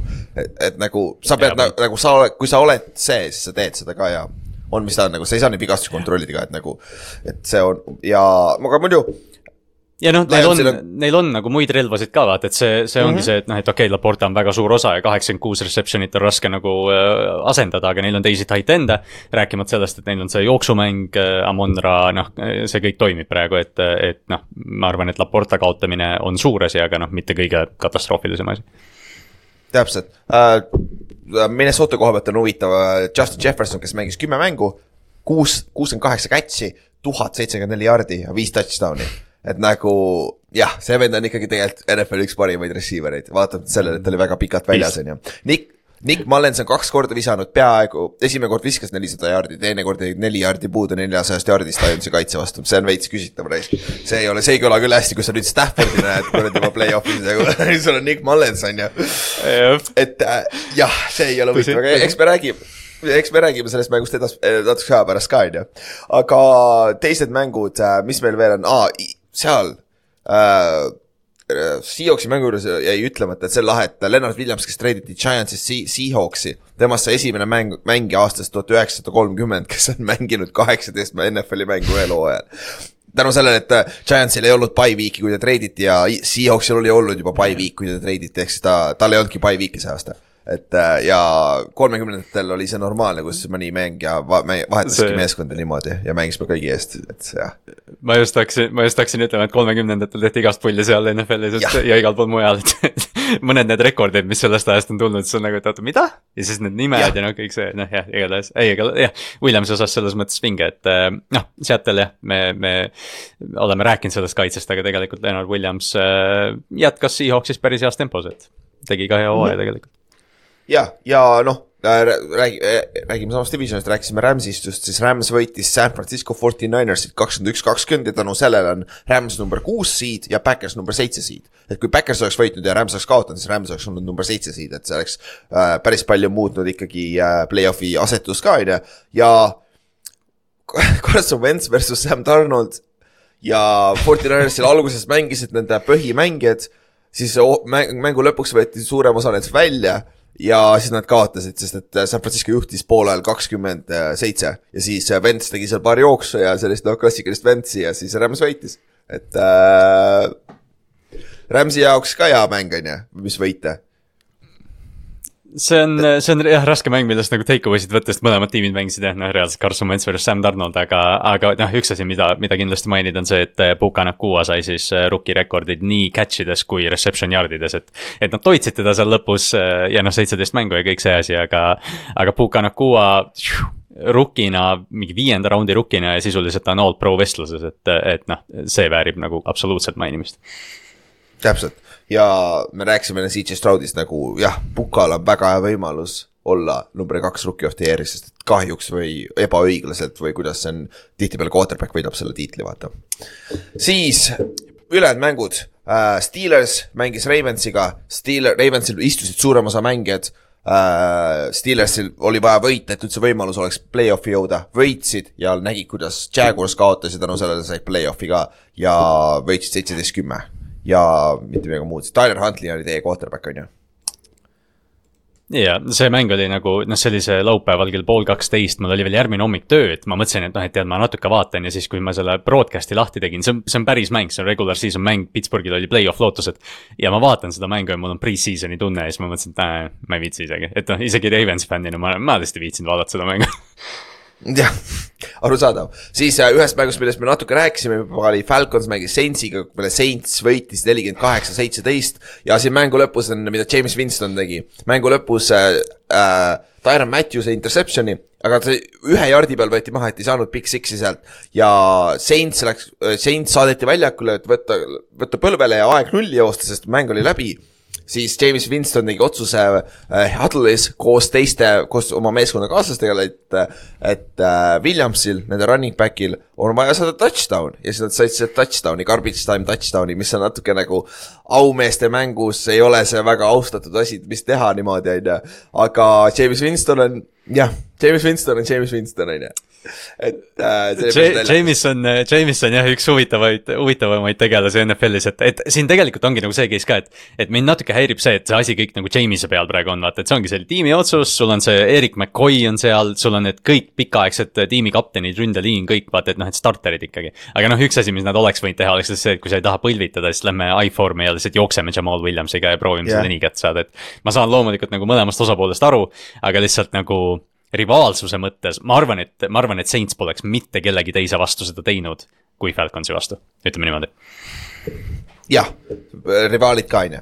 siis rääkides divisionist onju ja põhjus, miks see mäng ei olnud enam nii äh,, mille selle tulemusi lugenud nii palju, oli see, et Tampa Bay võitis üheksa-null äh, Panthersit, mis äh, oli päris kole seal oli Antonio Winfieldil oli üks haigemaid play'si, kus ta Sharki kinni püüdis selja tagant enne Sharki touchdown'is, lõi palli välja out'i touchback'iks läks ju. ja oligi, said palli taga, Panthers sai null punkti sealt kätte ja see oli põhimõtteliselt play of the game ja Buccaneers lonkas selle üheksapunktilise võidu ära ja võitsid divisioni tiitli ja läksid play-off'i. et äh, jah, Kallaste siin vist ei ole ka rohkem midagi. Ei ole, Winfield, Winfield oli selle mängu story ja, ja et noh, natukene nagu jah, Tampa osas on nagu see probleem, et kui noh, tahaks, et neil oleks nagu mingi statement win, kui nad play-off'i lähevad, aga üheksa-null ja siis need viimased paar nädalat, kus nad on. kui Baker vahepeal oli noh, väga kõrgel, siis noh, nüüd viimased paar nädalat on, on ikka kehva olnud. ja, ja, ja äh, Derek Brown äh,, Panthersi kaitseliin äh,, kaitseliini mängija, kes Jah. oli top kümme pikk siin paar aastat tagasi. esimene, esimene kaitseliini mängija NFL-i ajaloos, kes on sada pluss tacklit ühel hooajal. See on väga, väga impressive nagu selle venna, see on, see on nagu see on haige. aga mis on veel, ma tahtsin head segway'd öelda, mis on veel haigem, aga siin juhtus veel midagi, see on terve nädal või? siin on äh, Jets ja Patriots ei, mängisid, tead, tead, mis on haige? jah. Noh, haige on see, et Bill Belichicki eh, Patriotsi karjäär lõppes seitseteist kolm kaotusega Jetsile, vot see on haige. jah, jah, Jet, Jetsi fännid ütlevad selle peale karma is a bitch, see hakkas Jetsiga ja lõpeb Jetsiga, onju. et aga nagu sellel mängul polnud mitte midagi kaalul, onju, Priis Hall oli lammutas siin, vihma sadas, sitt ilm oli ka ja jah. viimane Bill Belichicki mäng oligi kaotus Jetsile, meeskond, kelle peatreener, treener oli tema üks päev. et nagu ajalugu Jah. seegi. ja siis noh, äh, see, teine, see ajalugu, ajalugu seal on, on ka üsna, üsna sihuke kuri, ütleme niimoodi.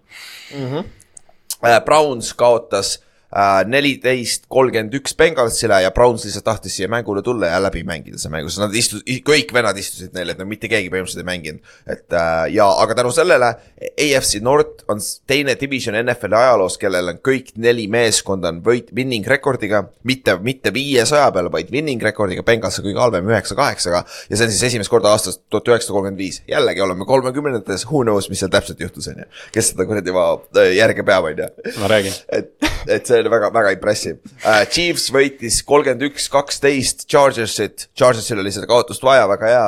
ja Chris Jones sai oma kümnenda säki ja sai üks koma kakskümmend viis miljonit selle eest. ja kokkuvõttes ta tegelikult ei võitnud, sest ta sai selle raha tagasi, mille ta kaotas holdout'iga. see põhimõtteliselt, oli jah. et, et jah, naljakas uh,. ka nagu öeldud varasemalt, Cowboys võitis Commandersi kolmkümmend kaheksa, kümme, CD Lambil sada kolmkümmend viis äh, catch'i, tuhat seitsesada nelikümmend üheksa jaardi, kõige rohkem catch'i number kaks jaardides. et jõhker hooaeg ja siin ta mängis ka väga hästi, aga muidu siin mängus ka midagi muud ei juhtunud ah,. Dak Prescott number üks äh, äh, passing touchdown ides, jah äh,. ja viimane mäng, Raiders Broncos.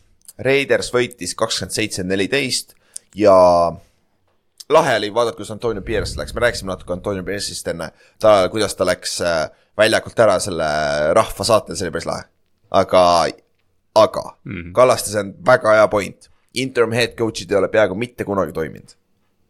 et äh,, et. kas viimane, kes vist nagu, nagu enam-vähem toimis, oli, oli Jason Garrett minu teada. et kõik need teised on mm, -hmm. noh, see on aasta või kaks ja, ja sa otsid juba uut. et Garrett jah, natuke pidas. Garrett oli hea, aga see oli Jerry Jones oli lihtsalt, ta armastas Garrettit nii väga, ta ei saanud teda lahti lasta Jah. liiga vara, on ju. ja siis niimoodi saigi meie kaks tuhat kakskümmend kolm NFL-i hooaeg läbi aastal kaks tuhat kakskümmend neli, see on naljakas. ja kahjuks Giants istub kodus nüüd kuni septembrini, Colts istub ka kodus, nii et me Inksiga oleme kurvad. Ott istub ka kodus Seahawksiga ja Kallaste on ainuke, kes saab veel äh, praegu on lõbus, aga siis, kui sa kaotad play-off'is, siis enam ei ole nii lõbus. ma istun ma istun, ma istun ka nädalakese kodus praegu, naudin seda elu, aga Jah., aga pinge on suur jah, pinge on suur, ütleme nii. ja kergelt vaatame draft'i üle äh,. lihtsalt äh, top kümme järjestus, et see on ka oluline, off-season'il me kõik äh, kuradi draft'i freigid nagu me Kallastega oleme, siis see on ka oluline äh,, mille silma peal hoida. Chicago on esimene pikk, sest Carolina, neil on Carolina pikk eelmisest aastast.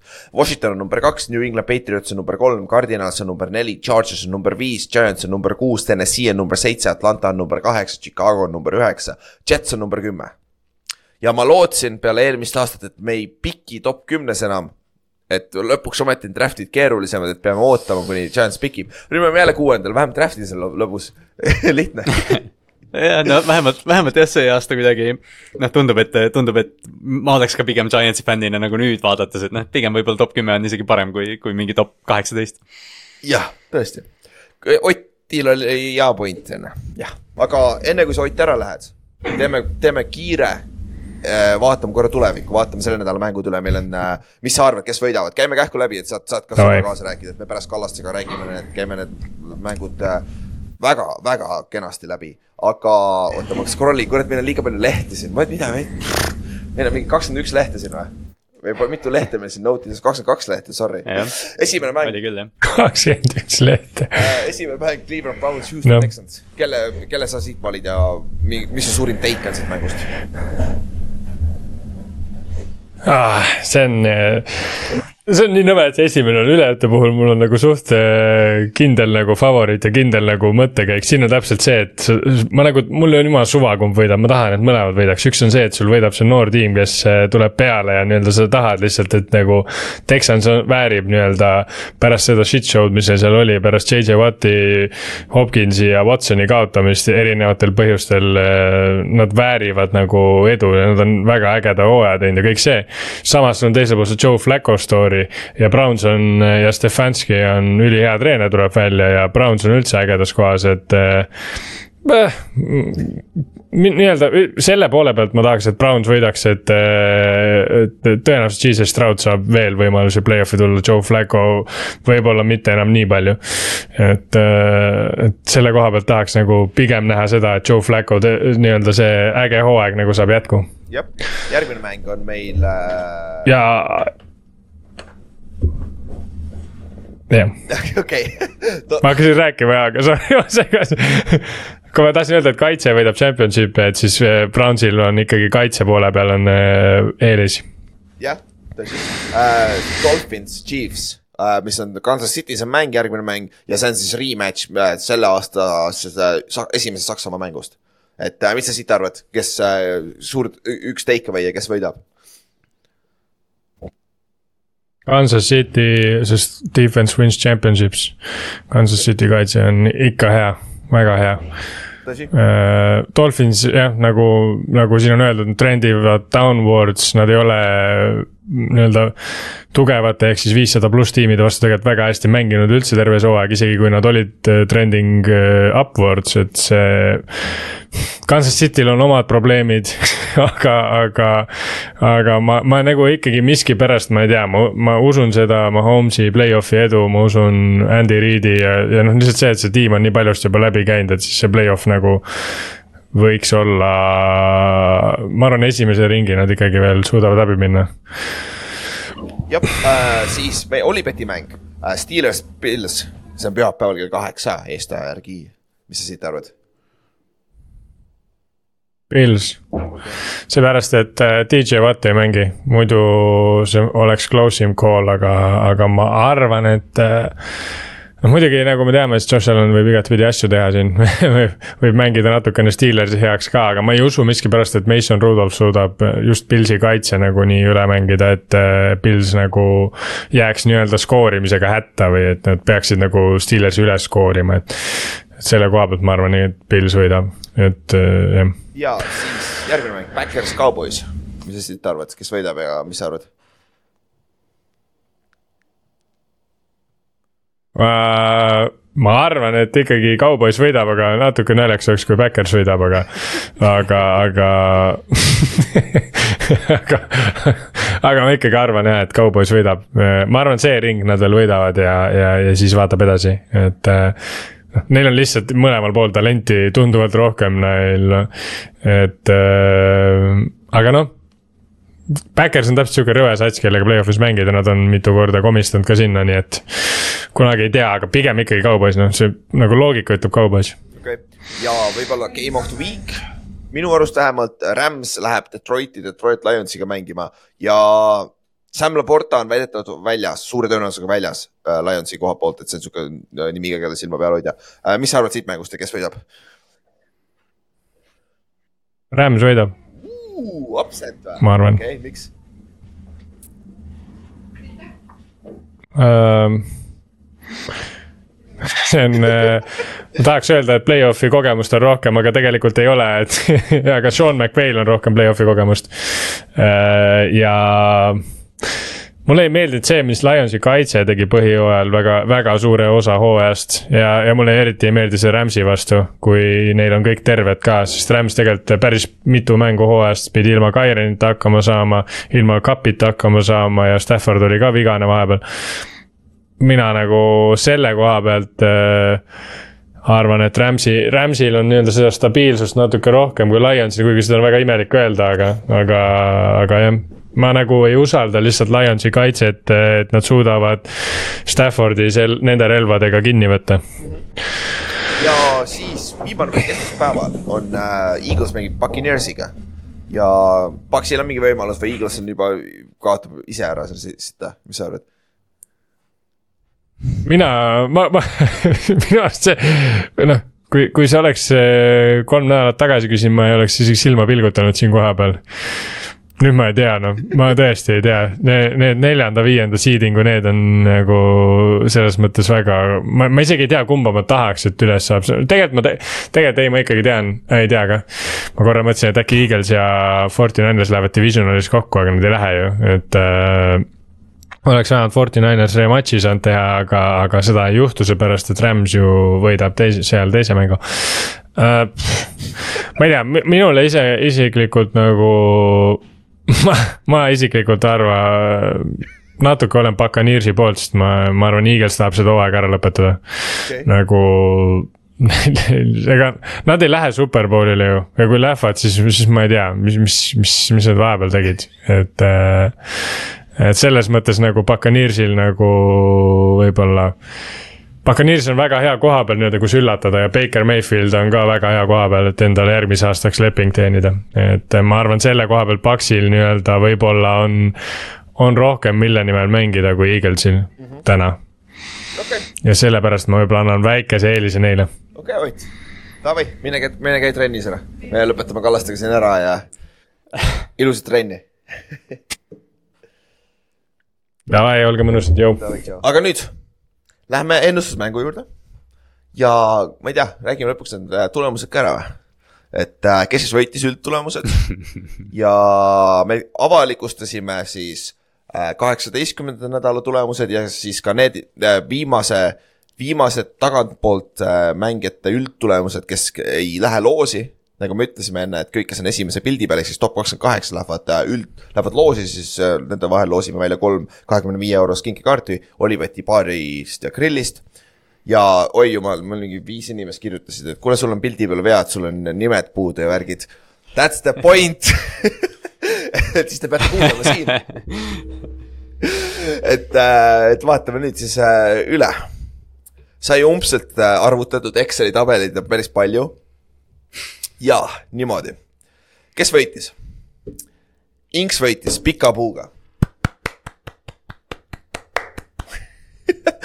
ja ikka väga pika puuga, Inks tegi meie siis ennustusmängu kolme ja esimest aastat ei saa lugeda, see on siis äh, ainult poolik aasta me ei teinud algusest peale ennustusmängu, on ju. et äh, siis me oleme nüüd, see on kolmas aasta ja Inks tegi siis pika puuga kõige parema hooaja üld, üldvõitjates arvestades, et kõige parem hooaeg üldse, et see on päris, päris hea, et oleks lõpuks, kui tema viisteist parimat nädalat olid sada nelikümmend kaheksa, kuuskümmend kolm, mis on seitsekümmend protsenti. ja see on esimest korda, kes sai siis üle seitsmekümne protsendi äh, komakohaga, teistel me üle, pidime üles ümardama äh,. tegelikult oli kuuskümmend üheksa protsenti, aga Inks ei lähe arvesse, nii et Inks, sorry, sa ei saa mitte muhvigi äh,. võib-olla kui oleks rohkem podcast'is käinud, võib-olla siis oleks saanud, on ju, who knows aga, aga no, see, no ta ei saa Jetsi mütsi vähemalt, see on, see on save tema jaoks. jah, jah, tõsi. ja, ja räägime siis selle ära, mina siis saan jet, no mis iganes, me mõtleme välja, mis see karistus on järgmiseks aastaks, on ju. sest ma jäin, ma jäin ühe mängu kaugusele, muideks me läheme üld, meil ei lähe miinus kolm nädalat, kuna me ennustame iga nädala, siis äh, meie üldarvestuses äh, Inks läks sada kuuskümmend kaheksa, kaheksakümmend neli, Kallaste läks sada kuuskümmend, üheksakümmend kaks, Ott, Ott läks sada viiskümmend seitse, üheksakümmend viis ja ma läksin sada viiskümmend kuus, üheksakümmend kuus. ehk siis ma olin nagu, reaalselt ma lootsin, et see niimoodi oligi. viimane mäng Pilsi ja Dolphinsi vahel otsustas ära. sellepärast ma valisin Dolphinsi ka ja otsustaski ära. Et äh, kui ma poleks Dolphinsit valinud, siis oleks tegelikult ka, ma oleks viiki jäänud Otiga, aga fuck it, me ei tea, mis me viigiga teeme. et äh,, et see oli nagu, see oli nagu lahe ja kaotasin, noh fuck it, mis siis ikka, aga see oli lahe, kuidas, ma ei tea, kas Ott andis meile selle võimaluse Kallastega, no Ott ikka kukkus kolinal selle hooaja lõpus. et Kallaste läks ikka päris, päris korralikult mööda, on ju ja jah, mina siis mõtleme välja või te võite ka öelda, mis me teeme, mis ma tegema pean järgmine aasta on ju, et äh, vaata, mis see karistus on, on ju, ennustusmängu kaotaja karistus siis, mitte võitjal, võitja ei saa midagi, on ju. niimoodi, aga siis üldtulemused. siin juhtus väga palju tegelikult, niimoodi, kes lõpetas kuuendal kohal, läks esimeseks. ja kes selle esimesele kohale läks kuuendaks, kukkus peale, peale, peale viieteist, viieteistkümne parima äh, nädala arvutamist. ehk siis, kes oli tegelikult üldarvestus, kui sa võtad äh, puhtalt äh, iga nädala tulemused, siis Robin oli esimene. aga tal oli seitseteist nädalat kaasa tehtud, mitte kaheksateist, tal üks, üks nädal niikuinii vähem olnud, on ju. ja ta kuk- kukkus kolinal kuuendaks lausa kui sa võtad äh, arvesse tema viisteist parimat nädalat, mis on päris jõhker kukkumine tegelikult. Et äh, see on sihuke mm., ma ei, ma ei uskunud ausalt öeldes, et see üks nädal nii palju mõjutab, sest et samal ajal, kui äh, äh, Egon näiteks, kes oli üldarvestuses, oleks olnud number, number kaks, on ju, aga tal oli ka samamoodi seitseteist nädalat tehtud, ta kukkus ainult kolmandaks. ehk siis Egon on kolmas koht, palju õnne, Egon. siis teine koht on äh, Marko M. palju õnne, Marko meie Coltsi fänn, kui ma ei eksi, Egon on Jaxi fänn äh, ja esimene koht on Kaups, meie Saintsi fänn. jep. ja Kaups läks siis sada nelikümmend kolm, kuuskümmend kaheksa, Marko M läks sada nelikümmend kolm, kuuskümmend üheksa ja Egon läks sada nelikümmend kaks, kuuskümmend üheksa, ehk siis reaalselt ühemängulised vahed lihtsalt. näed, me, mul on siin, kõik on kuuskümmend seitse protsenti koma millegagi, kuuskümmend, Kaups on kuuskümmend seitse koma seitse protsenti, kaheksa tegelikult, kuuskümmend seitse koma kaheksa protsenti Äh, Marko on kuuskümmend seitse koma neli protsenti ja Egon on kuuskümmend seitse koma kolm protsenti, see on nagu väga close. vaata, kuidas, vaata, kuidas by-week kaupsi kasuks vaata mäng või noh, nagu mingi tiimi by-week, et tal on reaalselt nagu lihtsalt äh, võrreldes Marko M-iga üks mäng vähem, üks kaotus vähem selle tõttu. täpselt, täpselt, täpselt ja sellepärast tulevadki need, sul num-, total ei ole sama, sest et oleneb, mis nädala me maha võtame. ja neljandaks jäi Kiki ja Jan Joonas, kes on tegelikult, nad ei ole viigis, sest et mul on, mul on siin koodina sisse, et kaks koma kohta on juures, rohkem pole mõtet. aga neil kahel oli vaja rohkem kui kahte koma kohta, sest et tegelikult oli kolmas koma koht otsustas ära, sest et äh, kahe koha, koma kohaga on nii Kiki kui Jan Joonase tulemus kuuskümmend kuus koma üheksakümmend kaheksa protsenti aga tegelikult äh, Kiki võitis, ta oli sada nelikümmend kaks, seitsekümmend ja Jan Joonas oli sada nelikümmend neli, seitsekümmend üks. nagu Jan, Jan Joonasel on kõige parem total, sada nelikümmend neli võitu, aga noh, kaotasin ka rohkem jällegi. Et mm. sealt see protsent, protsent ikkagi, ikkagi loeb võiduprotsent. ja Kiki ja Jan Joonas on siis äh, viie, neljas ja viies, Robin on siis äh, kuues, Vaimar on seitsmes ja siis on Kallaste Ott seal teil arvesse ja Kasper on siis kaheksas, Levo on üheksas ja Mihkel on kümnes, see on siis top kümme. ja need tulemused me paneme üles ka nüüd, et siis näete ära, ise ka saate vaadata ja ma tegin väikse, väikse statistikal lõin ka kokku lihtsalt vaadata, mis me oleme teinud läbi aastate. niimoodi, see aasta kõige parim nädal oli Laural, viik kaksteist, mis oli üksteist üks, see oli ja usu mind, ta oli ise ka väga üllatunud, et tal nii hästi läks. aga, aga nagu vahetevahel be lucky than actually smart, on ju. siis halvim nädal selle eest oli Aaronil viik seitse, oli kaks ja kümme. nagu see on meie all time low. see on all time low ja kõige haigem asi üldse, terve seitsmes nädal on kõikide jaoks halvim nädal üldse meie ennustusmängus. mis iganes seal juhtus, sest et kui ma vaatan, meil on siin üks, kaks, kolm, neli, viis, kuus, seitse, kaheksa, üheksa, kümme, üksteist, kaksteist, kolmteist, neliteist, viisteist, kuusteist, seitseteist. top seitsmeteistkümnel meie üld äh, lõpparvestuses seitsmes nädal cancel das ära ennast, eks see tulemus oli nii sitt, et selle cancel dati ära, vaata. et see näitab ära, kui halb nädal see on. ja siis esimene Kaarel oli ka,, Kaarel läks kuus-kuus, siis talle jäi sisse see nädal et, et see on nagu, keegi läks seitse-viis. Kristjan Lints läks seitse-viis, palju õnne, sa oled väga hea tulemus, on ju. Ja Ott Jõgias läks ka seitse-viis, jah, see oligi kõige parem tulemus sellel nädalal. et äh, seitsmes nädal oli meil kogu ennustusmängu peale väga halb nädal, siis nagu öeldud enne, kõige suurema hüppe tegi Kaups, kes tuli kuuendalt kohalt esimeseks, tänu sellele, et me arves-, arvestame ainult top viisteist nädalat. Ja no miks me teeme seda, ongi sellepärast, et äh, kui sa kogemata unustad ühe nädala tegemata, et siis sul on vähemalt veel võimalus, vaata. Et äh, ja, ja siis see annab ka eelise nendele mängijatele, kes teevad kõik kaasa, et noh, see on ikkagi peaks olema eelis, et kui sa teed kõik nädalad kaasa, siis, siis sul on mingisugune pisike eelis, on ju. siis Jan tuli üheksandalt kohalt viiendale ja Aaron tuli seitsmeteistkümnendalt kohalt teisele kohale, sest et ta kaotas selle kaks ja kaks ja kümme nädala ja siis ta kuk-, tuli kolinal ülesse siis kõige suuremad kukkujad oligi Robin, kes kukkus siis esimeselt kohalt kuuendale. Andrus kukkus seitsmendalt kohalt kaheksateistkümnendale ja Andrus oli, Andrusel oli täpselt viisteist nädalat, ehk siis tal ei tulnud mitte ükski halb nädal välja, vaata, sellepärast seda me nägime ka, üks aasta Kaarel kukkus nõnda top esimeses kohas kukkus alla päris kolinal. et tal, tal, ta oli üldarvestuses esimene, aga ta kaot-, ta, tal, tal oli kolm nädalat tegemata, vaata. ja jah, et see, need olid kõige suuremad kukkujad, siis ajalooliselt lihtsalt käime üle. meie esimene ennustus, ennustusmängu võitja oli Ott Jõgias, kes läks siis nelikümmend viis, kolmteist, seitsekümmend kaheksa protsenti, aga see oli, see on me alustasime ennustusmängu viik üksteist, aga ma ei mäleta, mitu mm -hmm. nädalat arvesse läks, äkki viis tükki või, või midagi sellist, et sellepärast see protsent on nii kõrge ka, on ju. äkki oli midagi sellist mm. ma ei, ma ei, ma ei tea, mäleta, kas me üldse võtsime see aasta ära nädalaid või? ei ah,, jah, äkki ei võtnudki. kurat, ma ei mäleta jah aga noh, igal juhul see on poolik aasta. sest see, see nagu ennustusmäng selles kujus, mis ta, mis ta praegu on, on, kujunes nagu teisel aastal jah, et see esimene aasta me saime ta nagu nii hilja käima, me alles tulime selle peale, jah, et, et see on ja, aga lihtsalt võib mainida, et Ott Jõgias oli meie OG võitja Levo oli number kaks, vennad võitsid üks ja kaks naljakas ja Juhan oli number kolm. et äh, kolmas koht, et te saite kõik oma auhinnad kätte. siis kaks tuhat kakskümmend üks aasta oli siis esimest korda sama formaat, nagu on siiamaani olnud, mille võitis jälle Ott Jõgiaas, back to back winner on ju esimesed kaks aastat.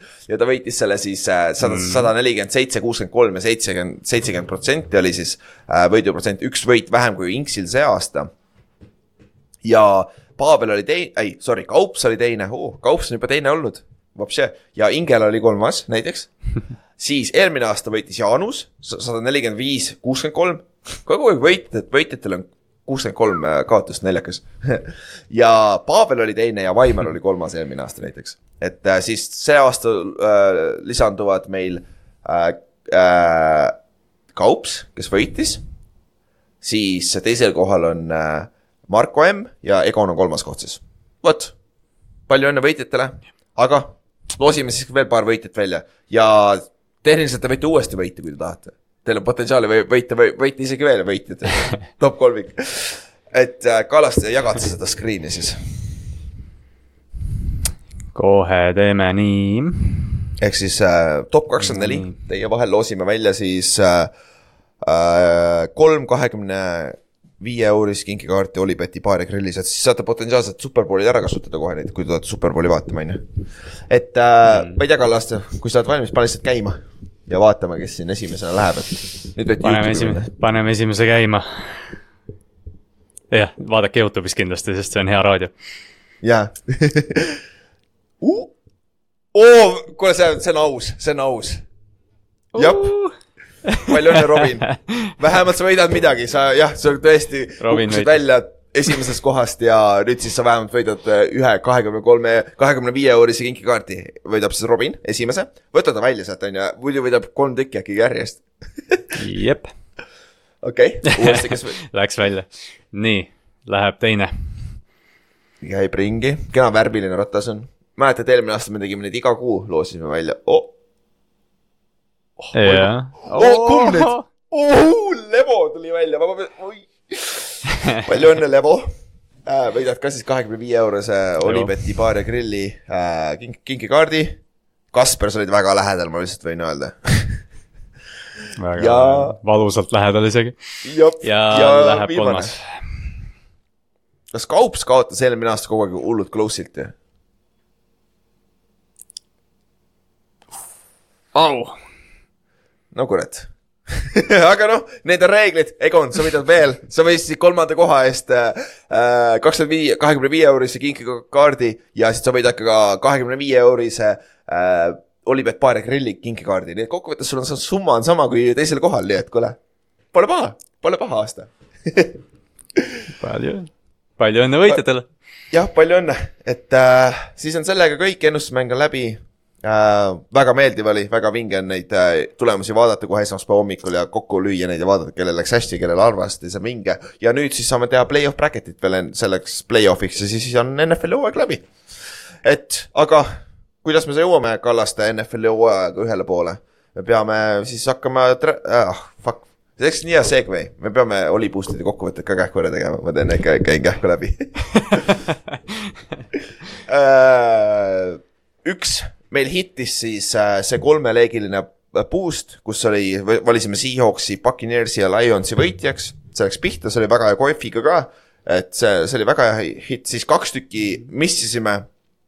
ja kolm, neljast siis äh, sa saite raha tagasi, sest et tuli välja, et DeAndre Swift jäi haigeks ja ta ei mänginud üldse. sest muidu seal Derek Henry skooris touchdown'i, Tyler Lockett sai üle viiekümne ühe ja poole jardi, aga meil oli ka siin sees veel DeAndre Swifti touchdown, aga ta ei mänginud ja tänu sellele sa said selle raha tagasi, mis iganes sa panustasid, ma panustasin viis euri, siis ma sain viis euri tagasi. ja siis see oli nagu põhimõtteliselt äh, selle nädala me läksime siis kolmest üks, mis parem protsent kui tavaliselt noh et äh, see, see Swifti, Swifti boost'i koefitsient oli nii kena, et noh, et noh jah, kahju, et me ei teadnud lihtsalt oleks seda Swifti asendanud seal, aga, aga jah see, et need teised nagu kaks hittisid, see oli, see nagu jah, sealt oleks võinud võita. oleks võinud, see tundub päris loogiline aga okei okay,, Kallaste, üritame uuesti siis. Davai, lähme vaatame siis, kuidas, millised meeskonnad ja kuidas nad saa-, potentsiaalselt saavad Superbowlil jõuda. ja esimene mäng, nagu Ott juba ütles, siis äh, on laupäeval kakskümmend kolmkümmend Eesti aja järgi Browns ja Texans. vigastuste koha pealt äh,, Brownsi, Brownsi poole pealt nad peaks Grant Delpiti tagasi saama, nende safety potentsiaalselt tuleb IR-ist tagasi, mis on nagu huge news. Dustin Hopkins on väljas ja äh, nende kiker, potentsiaalselt pro bowl kiker ja Riley Patterson on, on siis äh, asenduskiker. ja see on päris suur löök, see võib, võib päris tähtis olla tegelikult kokkuvõttes. Omari Cooper on korras, ta peaks mängima äh,. Miles Garrett äh,, Greg Newsom ja Juan Thornhill kaitse poole pealt on kõik questionable, aga nad arvatavasti mängivad lihtsalt, kui terved nad on, seda, ma arvan, et nad on good to go äh, mm.. siis äh, äh, Texansi koha pealt, Robert Woods tegi trenni kaasa, väga hea. Sheldon Rankings äh,, Greenard ja Anderson kaitseliinist olid kõik did not practice, aga nad äh, kõik peaksid mängima, et see on väga tähtis äh,, väga tähtis äh, asi, millele silma peal hoida, sest alustame siis võib- võib-olla sealt. Cleveland Brownsil on ründes väike nõrkus ja see on ründeliin, sest neil on kolmas ja teise stringi tackle'id mm. -hmm. Neil on left tackle second string ja right tackle vist isegi kolmas string, kui ma ei eksi. et neil on seal ründeliinis ka palju vigastusi. jah, vähemalt. Jah, vähemalt jah, et, et see on nagu sihuke asi, mille silma peal hoida, et Texansil on seal eelis, et nad peavad suutma seda ära kasutada, sest et Joe Flacco on Joe Flacco, et aga minu meelest, minul on kõige suurem probleem Joe Flaccoga see. ta on igas mängus ühe turnover'i teinud. et ma ar-, kardan, et see maksab ükskord kätte või mis sa arvad, Kallaste, nagu need, need on mängud, kus see on üks turnover võib olla see difference ju. No siin on jah, vaata, me, me oleme nagu rääkinud ka, et noh, Joe Flacco, see kogemus on, on meile kõigile väga meeldiv, aga, aga noh, Flacco ja Cleveland võidavad praegu selle pealt, et noh, et noh, Flacco lihtsalt annabki võimalusi nii ründele kui kaitsele ja aga kui sa play-off'i jõuad, siis eh, noh, võib-olla see, kui ta viskab, tead, ma ei tea, kelle, kellega iganes nad siin hooaja lõpus kohtusid, võib-olla viskas ühe indi, aga noh, ma ei tea, Pilsi kaitse võtab kolm inti ja juba siis on eh, jama majas, et, et noh, Joe Flaccolt oodata, et ta puhtaks jääks äh, mängu lõpuni on, on nagu kõige valem asi, mida oodata, et pigem on just see, et kas Clevelandi kaitse suudab nagu äh, vastase rünnaku piisavalt ära lämmatada, et siis ma ei tea, Amari Cooper saab kaks touchdown'i ja see mäng on nii, aga, aga ma nõustun selles osas nagu puht stiili mõttes, et noh, et see mängustiil tegelikult ei ole jätkusuutlik ja noh, kui nad mängisid viik kuusteist, mille Browns võitis kolmkümmend kuus, kakskümmend kaks, see oli see mäng, kus Amari Cooperil oli see kakssada kuuskümmend viis jaardi, kaks touchdown'i, aga CJ Stroud ei mänginud seal, see oli Keen, ei olnud, see oli vist Mills ja Keena mõlemad mängis, kurat, ma ei mäleta, kes seal oli, isegi Texansi quarterback oli. et äh, Jah. et see, see mäng nagu väga ei näita, aga siin mängus oli üks asi võib-olla, millega on Texans struggle inud terve aasta, on kaitses, on secondary poole pealt. Nad on struggle inud big play dega, neil on natuke mis nagu väga palju nagu big plays on tulnud nagu broken coverage eid ja isegi kui Joe Flacco viskab sulle ühe interception'i, ta võib visata kaks pikka pommi Cooperile või kellele iganes ja see on juba difference maker on ju. et äh, mis sa, mis sa, mis sa, kui me vaatame Texansi, Texansi kaitse poole pealt, nagu kes on see number üks, üks vend, kelle peaksid nad kinni võtma, kelle peale Demeco, Demeco Ryans, nende peatreener ja kaitsekoordinaator slash äh, peaks keskenduma Brownsi ründe poolelt? Äh, noh, ütleme vaata, Cleveland on siin hooaja lõpus natukene jooksumängu lõpuks käima saanud, et see natukene nagu äratab, äratab äh, hirmu, aga, aga noh, see rünnak, see on täpselt selline asi. noh, see rünnak käib läbi, läbi Amari Cooperi, aga mitte mingil juhul ei tohi unustada David Njokut, eriti need mingid league play'd, mida nad teevad, vaata nii palju, sest Flacco ju kohe, kui ta sisse tuli, ta hakkas kohe neid dump-off'e viskama, Njoku skooris kaks touchdown'i vist esimene mäng kohe. et, et jah, sa pead nagu, sa pead arvestama kaitses nagu nii mitmel tasandil praegu Clevelandi vastu, et noh, et sa peadki Amari Cooperi välja võtma. sest noh, Cooper on küll natukene vanem nüüd, aga tal ja noh, Juice'i on vähem, aga ta noh, kakssada kuuskümmend viis jaardi teeb ikka ära. aga kui sa nagu keskendud liiga palju secondary peale, siis David Njoku võib süüa. et, et noh, ma pigem võtaks Cooperit, aga, aga jah, siis sa pead nagu linebacker itega rääkima. ja just need linebacker'id on Houstoni nõrkus jah, seal, seal on see nõrkus. Ja noh, me rääkisime kaitseliinist, see on olu- oluline Texansi koha pealt, nad peavad ju Flacconi jõudma, sest et äh, kui ma ei eksi, see esimene mäng, kui nad mängisid viik kuusteist, siis Flaccol oli null säkki. Ja siis ta lihtsalt domineeris, et nagu under pressure, kuigi Flacco on üllatavalt äh, hästi mänginud under pressure ka, seal Jetsi vastu kohe see kuradi ma play Quinnan Williamsi vastu on ju, see oli lahe on ju. et ta, ta ei Jah. ole nagu, ta, ta on ikkagi veteran quarterback, ta teab, mis teha pressure'iga, kuhu liikuda, et see ei ole nagu kõik nagu maailma lõpp Brownsi jaoks. aga see on kindlasti viis, kuidas Texans peab suutma oma kaitseliiniga suutma katta seda secondary nõrkusi. kuigi Derek Stingley on hästi mänginud, aga teiselt poolt Nelson on ka enam-vähem, aga, aga safety'de koha pealt ju Jimmy Ward on väljas nüüd hooaja lõpuni, et, et seal on äh, paar nõrka kohta ka ja, ja et sa nimetasid jooksumängu, sest et äh, Jerome Ford ja Hunt on tegelikult siin viimased nädalad päris hästi mänginud ja see on sihuke asi, millega Stefanski võib-olla tahaks rohkem tegeleda, nagu rohkem pressure'it ära võtta Flacco õlgadelt, on ju, jooksumängu käima saada, on ju. et, et, et. see ongi täpselt jah, et, et noh, me, see on ju, see on ju muidu alati Clevelandi tugevus olnud Nick Chubb'iga, et, et äh, kui nad jah, siin lõpus, noh, üks asi on muidugi see, et kas see hooaja lõpp, noh, nad ei mänginud kõige paremate meeskondade vastu, et, et võib-olla see nagu tuleneb sellest, et kui nad päris kaitsjate vastu nii-öelda saavad. aga kui äh, Cleveland suudab, ütleme, sada jardi joosta, siis äh, Joe Flacco elu on nii palju kergem. jah, täpselt, siis saab play action'i panna, sa saad neid äh, pikkasi pomme visata sealt play action'i pealt, see on rohkem aega ka, võtab pass rush'i ära, on ju, kõik asjad. et seal on nagu nagu efekte on päris palju, on ju.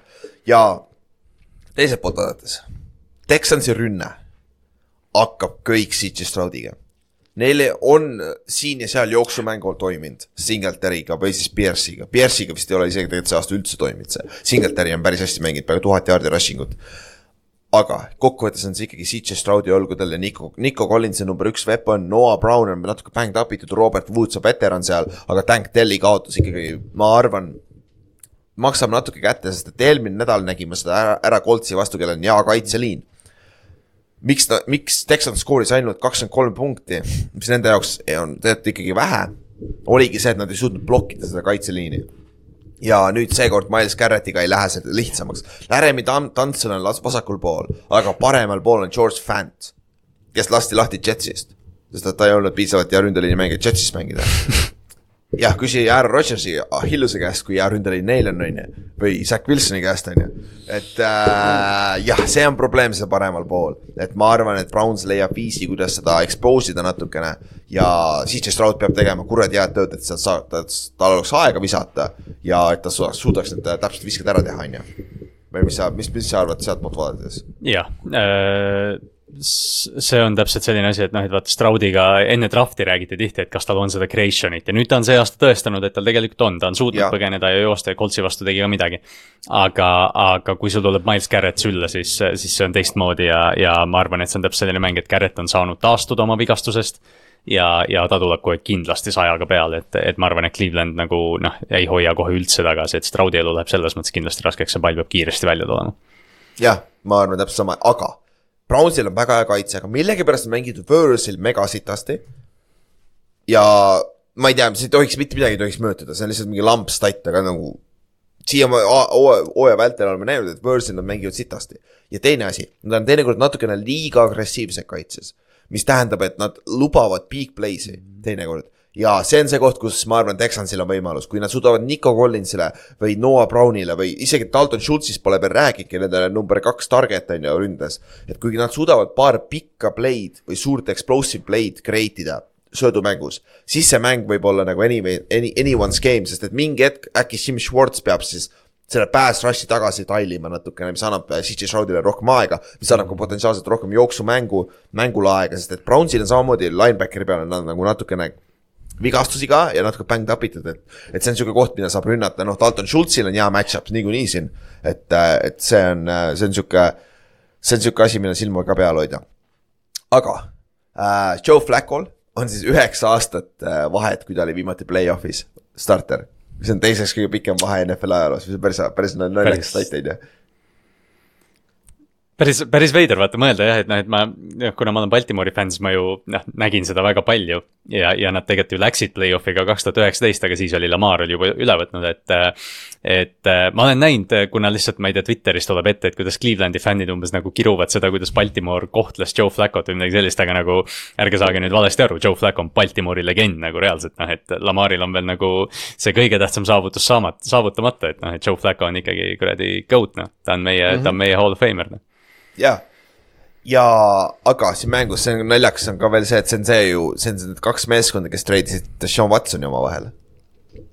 et see on nagu hästi naljakas vaata tegelikult, aga Watson. aa jaa, kurat, ma ei mõelnudki selle peale, appi ma ei olegi mõelnud. jaa wow., et, et see, see on nagu sihuke huvitav, huvitav asi, aga muidugi siis olid teised, Texansis oli ju teine, ei olnud, teine treener oli, aga teine GM on sama ju, oli jah. ja äh, muidugi Texans mängib kokkuvõttes ikkagi house money'ga minu meelest, et noh, nad overachieve isid ja nüüd nad tahavad lihtsalt saada play-off'i kogemust ja järgmine aasta võtta uue sammu edasi, on ju. et äh, ega siin muud nagu Texansil nagu need hope'id ei ole nii suured. Brownsil teiselt poolt, no ma tean, et sul on neljas quarterback Joe Flacco'ga, aga sul on meeskond olemas tegelikult olnud juba mitu aastat, vaata. et, äh, et Brownsil on minu meelest suurem pressure siin või kuidas sa arvad? Äh, äh, täpselt needsamad põhjused, et noh, et äh, kui Houston võtab play-off'ist veel ühe võidu, siis noh, see on lihtsalt kirss selle CJ Stroudi rookie of the year aasta peal põhimõtteliselt ja ma ei tea, Demeco coach of the year. kusjuures tegelikult see mäng võib olla ka selline, et noh, see mäng võib otsustada natukene coach of the year'i ka, ma ütleks, need kaks, kaks juhendajat on siin, on siin põhikandidaadid võib-olla. aga tegelikult see ei tohiks lugeda play-off'is, aga jah. ai, oota, hääletus on tegelikult tehtud vist või? see paraku hääletus on vist tehtud jah, selles mõttes, aga lihtsalt nagu noh, puht nagu selles, ma ei tea, narratiivi võtmes või, või midagi sellist, et, et äh, jah yeah,, et need, et need kaks meest on olnud, on head tööd teinud. selles mõttes, et sa ja. rääkisid, et noh, Cleveland on neljanda QB peal, see, see tuleb peatreeneri juurde.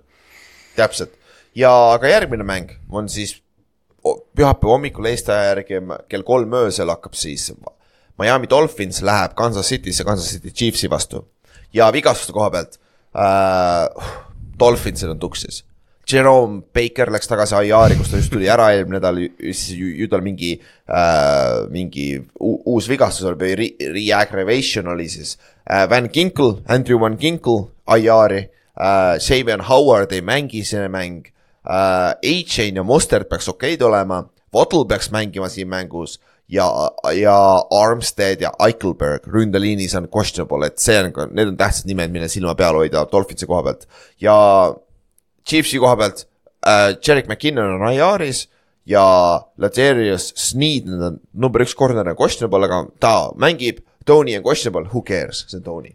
ja et äh, äh, ilma koha pealt, see on nüüd esimene mäng, kus on ka ilm, sest Texansis nad mängivad indoor'is.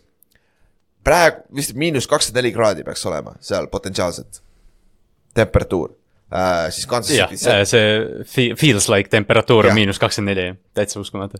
tuulega siis, et äh, kõige külmem NFL-i mäng oli vist mingi miinus viiskümmend kraadi, kui ma ei eksi. aga see oli tuulega samamoodi, et see oli mingi miinus kolmkümmend kraadi ja siis pluss tuul, vaata, et äh, Mhm. nii kaugel veel ei ole, aga miinus kakskümmend neli kraadi on ikka päris rätsa temperatuur raisk. ja see on nüüd See on siis ka, see on siis rematch äh, Saksa mänguga see aasta, mis oli viidud olid kõlakad, et Kansas City valis meelega selle mängu viia Saksamaale, et Tyreek Hill ei, ei saaks koju tulla.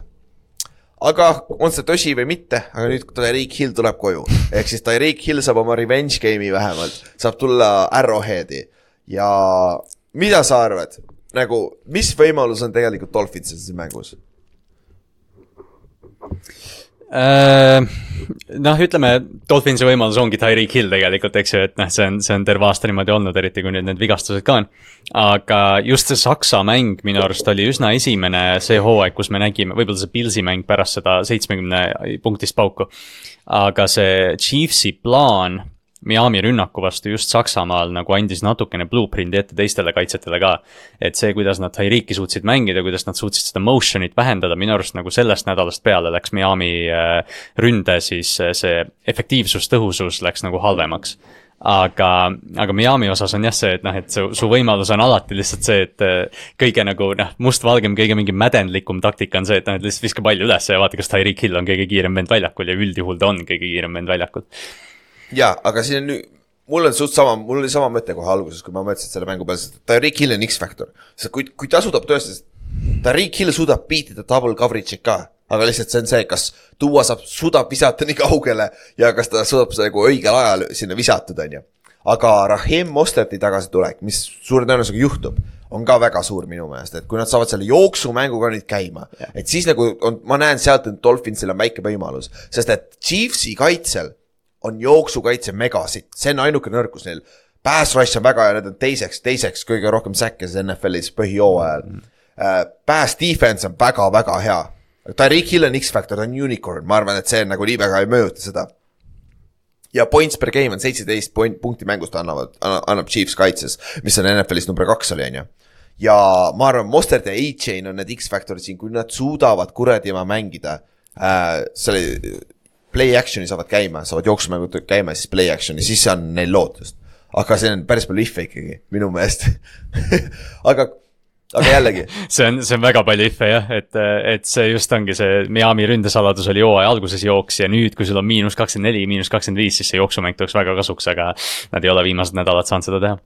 Ei oleks jah, ja Ladarius Need, kes on väga hästi mängib ka corner'ina, peaks arvatavasti saab Tyreek Hilli endale, et see on nagu huvitav, aga Tyreek Hill ei saa ainult ühte mängijat, no see on kindlasti safety help ja kõik asjad on ka tulemas, et see on sihuke äh, tavaline asi, on ju. siis, aga teiselt poolt vaadates. Dolphinsi kaitse on banged up itud, neil ei ole, neil on kaitseliinis alles ainult need D-tacklid, mõlemad defensive endid on väljas, pluss varu defensive end on väljas. Neil on keskel on äh, Slide, Saiter, Saitler, Saitler vist jah, Saitler jah, ja Zack Saitler, Tyler Sailer jah, sorry, ja Christian Wilkins mm. -hmm. väga head pass rusher'id seal keskel, jooksu vastu on ka väga head, et, et jooksukaitse ei ole probleem, aga just söödukaitse on probleem äh, Dolphinsil. aga kas sa usaldad Chiefsi rünnet või? ma just hakkasin ütlema, et noh, et söödukaitse on probleem, aga noh, õnneks su vastane on Kansas City Chiefs see aasta, sest äh, noh, ma ei tea, nii palju, kui me usume Travis Kelci võimetesse ja noh, see võime, noh, me oleme terve aasta rääkinud, neil ei ole tüüpi, kes man-to-man'i al- suudavad beat ida mm -hmm. ja nüüd me räägime, et sul on noh, Xavier Howard jätab mängu vahele, Keider Kohu on sihuke asjalik mängija, aga mitte kõige parem, aga ühel pool on Jalen Ramsey, kes iganes seal see Chiefsi püüdja on, see on kinni ja kui sul teisel pool Marquez Valdes Scantling ja ma ei tea, Sky Moore ei suuda man-to-man'i beat ida, siis kuidas sa üldse seda Dolphinsi kaitset rünnata saad. et, et noh, ühel hetkel see peab nüüd, me oleme näinud siin hooaja lõpus Chiefs skooris jälle kolmteist punkti, jälle mingi seitseteist punkti, jälle kuus punkti.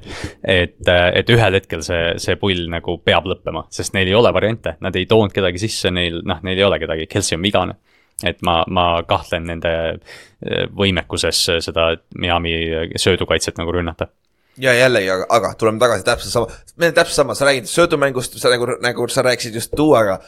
aga tundub, et Chiefsi selle aasta võti on Isaiah Pacheco hoopis, jooks, jooksja. et kui Pacheco on mänginud, siis see rünne on natukene näinud parem välja, sest et kui Pachecot ka ei olnud, jumal küll, see rünne nägi ikka kole-kole välja. et äh, Pacheco Jah. peaks ka tervem olema, et kui nad suudavad sealt jooksu käi-, mängu käima saada, mis on väga keeruline Dolphinsi vastu teha, siis siis äh, seal on mingi lootus palli liigutada, aga ka Travis Kelsil on tegelikult äh, Dolphinsi väga-väga halb Titanide vastu olnud, et Kelsil on hea, hea match-up, et vaatame, kas, kui terve Kelsi nüüd on, ta sai vähemalt ühe vaba nädala, on ju, ja noh, Kelsi tavaliselt mängib hästi ja suurtes mängudes, et see on võib-olla sihuke Chiefsi fännide koha pealt. Samas- samas on äh, võib-olla, kui me, kui me just räägime, et Chiefsil pole püüdjaid ja tead, võib-olla liigutad Jalen Ramsey sinna Travis Kelci peale ja vaatame, mis siis juhtub. Kuule hea point kusjuures, jaa, hea point, sest ta mängis äh, Rams'is, ta mängis slot'i küll, tal võib vabalt slot'i mängida, kui ta tahab. see on hea point küll, sest et kui palju sa tegelikult kardad Rashid Rice'i, on ju.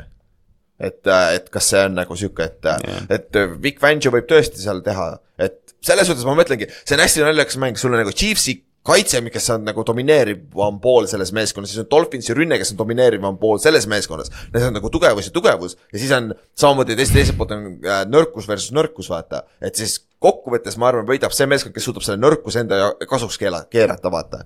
et, et kas äh, et nagu see tundub nagu loogilisem natukene, aga üks haige stat, mis ma vaatasin. Äh, Dolphins on pluss kaks turnover differential'i see aasta, ehk siis tal on kaks äh, rohkem take away'd, kui on giveaway'si. Chiefs on miinus üksteist. täiesti jõhker, ta vist oli mingi kahekümne seitsmes NFL-is või midagi sellist. et Mahomes'il on palliga,, see on uskumatu, kui halb hooaeg Kansas Cityl on olnud. nagu tõesti on, see on nagu, seda on raske hoomata siiamaani, et noh, et ma ei tea, me ikka ütleme, et noh, et number viisteist on väljakul Patrick Mahomes, et noh, et neil on võimalus. aga see on tõesti halb välja näinud see aasta. tõesti. ja, aga Dolphins ajalooliselt kolm ja null Chiefsi vastu play-off'is, aga seekord võib siis esimene nädal olla, esimene kord, kui Chiefs võidab Dolphins on ju, nagu see loeb midagi, on ju. siis lähme pühapäeva juurde, Olibeti mäng, Pittsburgh Steelers mängib Buffalo Pillsiga kell kaheksa Eesti aja järgi vigastuse koha pealt, Minka Fitzpatrick peaks, võib-olla potentsiaalselt on tagasi Steelersi jaoks, see on väga tähtis. DJ Watt on väljas äh,. JJ Watt juba tegi nalja, ta tuleb tagasi, mängib äh, DJ, DJ numbriga, saab hakkama küll, keegi, keegi ei pane tähele erinevust, on ju. Siis Pilsi koha pealt, Dion Dawkins, nende left tackle äh,. ta ei lõpetanud eelmist mängu, see on üks suur nimi, mille silma peal hoida ja Rasul Douglasel on väidetavalt päris halb põlvevigastus.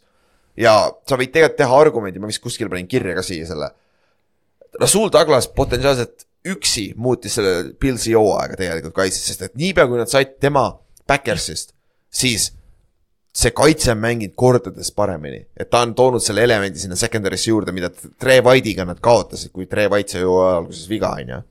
et, et see on sihuke vigastus ka, mille silma peal hoida, aga kas seal on mingi variant, kuidas Steelers suudab äh, piisavalt punkte skoorida, et see mäng võita? tuleb Ravensi fännilt vaid, et aga just saying jah, jah, pange tärn peale Jah. uh,. no ma arvan, et kõik need või need, need paar, paar Mason Rudolphi outburst'i, ma arvan, me enne mängu ütlesime täpselt sama asja, et noh, et kui suur võimalus Pittsburghil on ja. ja nad skoorisid siin kolmkümmend sanga ja, ja George Pickens sai siin palle ja värki, et, et noh. ma kindlasti ei, ei kanna Steelersi rünnakut maha selles osas, et, et Buffalo kaitse on shaky on, nagu sa ütlesid, Rasul Douglas tegelikult päästis selle hooaja, aga kui Douglas väljas on. noh, kes George Pickensit võtab, kes Deontay Johnsonit võtab, et, et ma täitsa ei imestaks ja noh, siis sa ja siis noh, ütleme, me saame paar söötu käima kes Jalen Warrenit peatab, kes Najee Harris peatab, kui on külm, Najee Harris näitas eelmine nädal, kui hea kuradi vedur ta on, kui talle palli anda. et tegelikult Steelers saab sind rünnata, lihtsalt jah, see, see ei paista võib-olla kõige parem välja, aga neil kindlasti on võimalus ja noh, see on Pittsburgh. no Mason Rudolphiga on naljakas, ta on kolm ja null starter see aasta ja ta on sada, sada kümme pluss quarterback rating igas mängus, mis on nagu väga-väga hea olnud. aga eelmine nädal kuus, kuus fumblit oli Chiefs äh,, Steelersi ründel ja kaks tükki kaotasid. et see pallikaotuse probleem, et see on see mäng, kus Steelers ei saa lubada mitte ühtegi pallikaotust. saab pigem see, et isegi, isegi kaks pallikaotust äh, Pilsi poolt ei pruugi piisav olla. et see erinevus on ikkagi nii suur minu meelest. jah, et, et aga nagu sa rääkisid Najist ja Jalen Warrenist, see on ikka väga old school kuradi Pittsburgh Steelersi rünne, jooksumäng, Najee Harris on see, kes jookseb neli jardi per carry't, mis ei ole väga efektiivne, aga vend jookseb pea ees sisse. ja siis on Jalen Warren, kes on väga hea slasher, kes on väga hea out of the backfield nagu receiving running back, mis on nagu väga ilus one-two punch ja George Pickens toob elemendi juurde, Plaxico Burress nagu ideaalne, täpselt nagu Plaxico Burress oli noorena kuradi Steelersist yeah. nagu nii Jah. sihuke koopiake, see on jõhker jah. aga Pilsi kaitsest me ei räägi üldse peaaegu. ja neljandaks kõige rohkem säkke uh,. Secondary on top kümme passing uh, uh, kaitses on ju, jooksukaitse on nõrkus aga muidu see kaitse on väga-väga hästi mänginud, et äh, ja hästi palju vendi, kellel pole nagu, kelle nimesid me ei pane tähelegi, Ed Oliveril on peaaegu kümme säkki D-tackli peal. sul on seal Gregory Rousseau, sul on H.A. Epenessa kaitseliinis veel on, siis sul on seal äh, Leonard Floydil on kümme säkki. Et ma tahtsin nii väga Leonard Jaa, Floydi Floyd. säkki mm -hmm. panna sinna parleisse sisse eelmine nädal, aga see ei tulnud välja õigeks ajaks. sest nagu tal oli ka incentive sees see, see, see, et nad on NFL-is neljandad säkkides tegelikult üllatab retsid, sest nad teevad kõike seda ilma Von Millerita. kellel nad andsid kuueaastase lepingu, et noh, et selle, see nagu sa noh, pidevalt unustad ära, et Von Miller on Buffalo's ja ta on healthy scratch olnud, et. et see Pilsi kaitse, nagu sa ütlesid ka, neil on väga palju no-name tüüpe ja see, kuidas Pilsi kaitse võidab, ongi see, kuidas nad on aastaid võitnud, nad on distsiplineeritud, nad äh, kuulavad äh, McDermotti sõna äh,. Teamwork on väga hea, kuidas iganes McDermott seda motiveerib, eks ju, et, et noh, kui, kui Buffalo kaitse on kui Buffalo kaitse teeb seda, mida nad suudavad teha, siis nad saavad selle Pittsburghi jooksumängu kinni ja noh. Mason Rudolph võib neid häid mänge teha, aga ma ei usalda, et ta hakkab käega siin kedagi beatima, et ma arvan, et Buffalo'l on siin selge eelis. AFC mm -hmm. teise, teise seed'ina eriti. Ja kõige suurem eelis, mis Buffalo on, on nende rünne, kus nad on kuuendaks kõige rohkem points per game, neljandaks kõige rohkem yards per game ja kõige parem äh, third down offense NFL-is. ja kõige, kõige vähem säkke nende vastu NFL-is saadud see aasta, nende ründeliin on väga hästi mänginud. ja nad on teinud seda põhimõtteliselt ilma ühegi väga hea receiver'ita, Stefan Tiiks sai vaevalt sada catch'i ja tuhat jaardi, mis on Tiiksi arvestuses ei ole väga, väga nagu suur asi. et äh, ta on olnud suht non-factor, Dalton Kincaid on enam-vähem olnud, James Cook on vahepeal plahvatas, aga jälle siis kaob ära, et. Lamar äh, Jacksonil on MVP, aga Josh Allan on tegelikult kuradimaa lähedal sellele peaks olema et nagu tal on jõhk, ta vist kakskümmend üheksa passing touchdown'i ja viisteist viisteist rushing touchdown'i, kui ma ei eksi. siis, kui sa ütlesid, et, et äh, neil on kõige vähem säkke, siis tegelikult see on väga suur Josh Allan'i stat, sest umbes, et see pressure rate ja siis see pressure to sack ratio on mega suur selles osas, et Josh Allan põgeneb säkkide eest mm. -hmm. et, et jah, me, noh, loomulikult Ravensi fännina ma olen väga õnnelik, et Lamar Jackson tõenäoliselt või noh, on nii suur favoriit. aga kui mina peaks kellelegi selle andma see aasta, siis ma tegelikult vist annaks Joshile. see on, aga jällegi, tal on kaheksateist interception'it ja iga mäng sa näed ühe selle kuradi lolluse ära nagu, et Jah. et nagu, et, et see, mida ta, ma ei, vahel, vahel need pallikaotused Buffalo, ma räägin, ta on kunstnik, näed see see, mida ta teeb, aga, aga ma lihtsalt tahtsin lisada see, mis sa ütlesid, et. et nad on kõike seda teinud, vaata, et noh, et hoo- hooaja alguses oli paar head Stefan Diggs'i mängu, vahepeal noh, Gabe Davis't me teame, et noh, et kolm halba mängu ja siis ta ühe korra plahvatab. Kincaid oli vahepeal olemas, Dawson Knox on vahepeal olemas, James Cook oli vahepeal olemas, kogu aeg on vahepeal ja, ja noh, ma ei kujuta ette, kui frustreerunud Buffalo fännid peavad olema selles osas, et noh, kurat, pange üheks mänguks kõik kokku ja me skoorime jälle viiskümmend. kes see, kes see nende kolmas receiver või teine receiver, see, see kaks, Shakir, Shakir jah, jah, jah, jah, see, ta, tal oli ka paar väga head mängu, ta oli meil kuskil paralleelse ja hitis ka veel. Ma mäletan, et äh, aga ja Steelersi kaitse nüüd.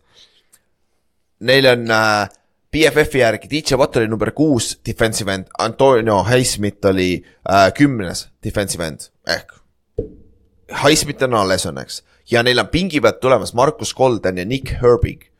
Nick Herbing on väga hästi mänginud, kui ta on saanud aega, aga sul on Highsmith ja DJ Watt on ees, ta ei saa väga palju mänguaega, tal oli see vaata force sack, force fumble siin paar nädalat tagasi. see, mis otsus- ah,, Seattle'i vastu jaa, Seattle'i vastu. Oligi see otsustav play mängu lõpus seal neljandal veerandil, et nagu ja kõik on rääkinud räigelt häid asju, et ma arvan, et see ei ole kõige suurem kaotus, et DJ, DJ Watt on DJ Watt, ta on NFL-i sack leader see aasta jälle, on ju.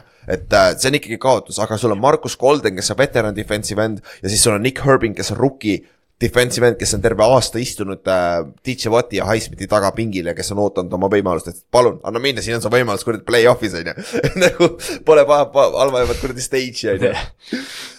aga sul on äh,, nad on kuuendaks kõige rohkem points per game hoidnud, jah, naljakas, Pils on ründas kuues ja Steelers on kaitses kuues, on ju, aga mm -hmm. Nende secondary on ikka natukene struggle inud, neil on vigastusi seal, kui Minka, Minkat ka ei ole seal, siis see secondary on keeruline, on ju. ja Patrick Peterson hakkab ka veits vanaks ikkagi jääma. see on jah. jah, Pat-Beat'i langust on päris kurb vaadata olnud, aga, aga see-eest Joey Porter on olnud rukina noh, täielik kuld, et, et noh, vaikne selles mõttes, aga, aga nii nagu tihti lockdown corner'id on, eks ju, et noh, sa ei kuule neist, sest äh, nende poole pallid lihtsalt lähevad incomplete, et. äh, et ta on hoidnud ja ta on teinud seda nagu erinevate mängijate vastu, et noh, et erinevad kehatüübid, selles mõttes Joey Porteri sa võid kelle iganes peale panna ja ta suudab seda katta, et noh, olgu see Dalton Kincaid või Stefan Diggs, ma usaldan Porterit. palju rohkem kui kedagi teist seal secondary's, et see secondary on tegelikult suures pildis probleem, aga kas Buffalo suudab jällegi rünnata seda? jaa, täpselt, et äh, Buffalo'l, aga see on üks mäng, kus ma arvan kui Buffalo ei suuda seda rünnata, ei ole isegi kõige suurem probleem, sest et äh, äh, Steelersil on jooksu, jooksukaitse on päris sitt. ja Josh Allan, ma arvan, et see on see koht, kus me lõpuks näeme nüüd väga üpris palju disain quarterback run'e Josh Allaniga ka. et nagu sul pole enam kaotada mitte midagi, fuck it noh mm. -hmm. et nagu lähme, lähme ja jookseme koju kasvõi ja vaatame, kuidas sealt läheb siis on ju, et äh, et see on sihuke, see on sihuke huvitav pisike nugget ka, aga üldjuhul jah Pils on suur favoriit ja Steelersil on, peab väga palju asju minema nende, nende poole, et see mäng võita, aga see on NFL ja any given Sunday, kõik on võimalik, on ju. ja Bill Belichicki pressikonverents. ja see on, ja see on Olibeti mäng ka, nii et äh, aa okei lisan veel, et see on Olibeti mäng ka, et siis, siis võib kõike juhtuda, nagu me teame, siis me valime need mängud ja siis need mängud lähevad alati vastupidiselt sellele, nagu me ootame, et mis iganes see tähendab. Steelers võidab kolmkümmend kümme fuck it mäng on Buffalost miinus. no midagi, midagi sellist, jah.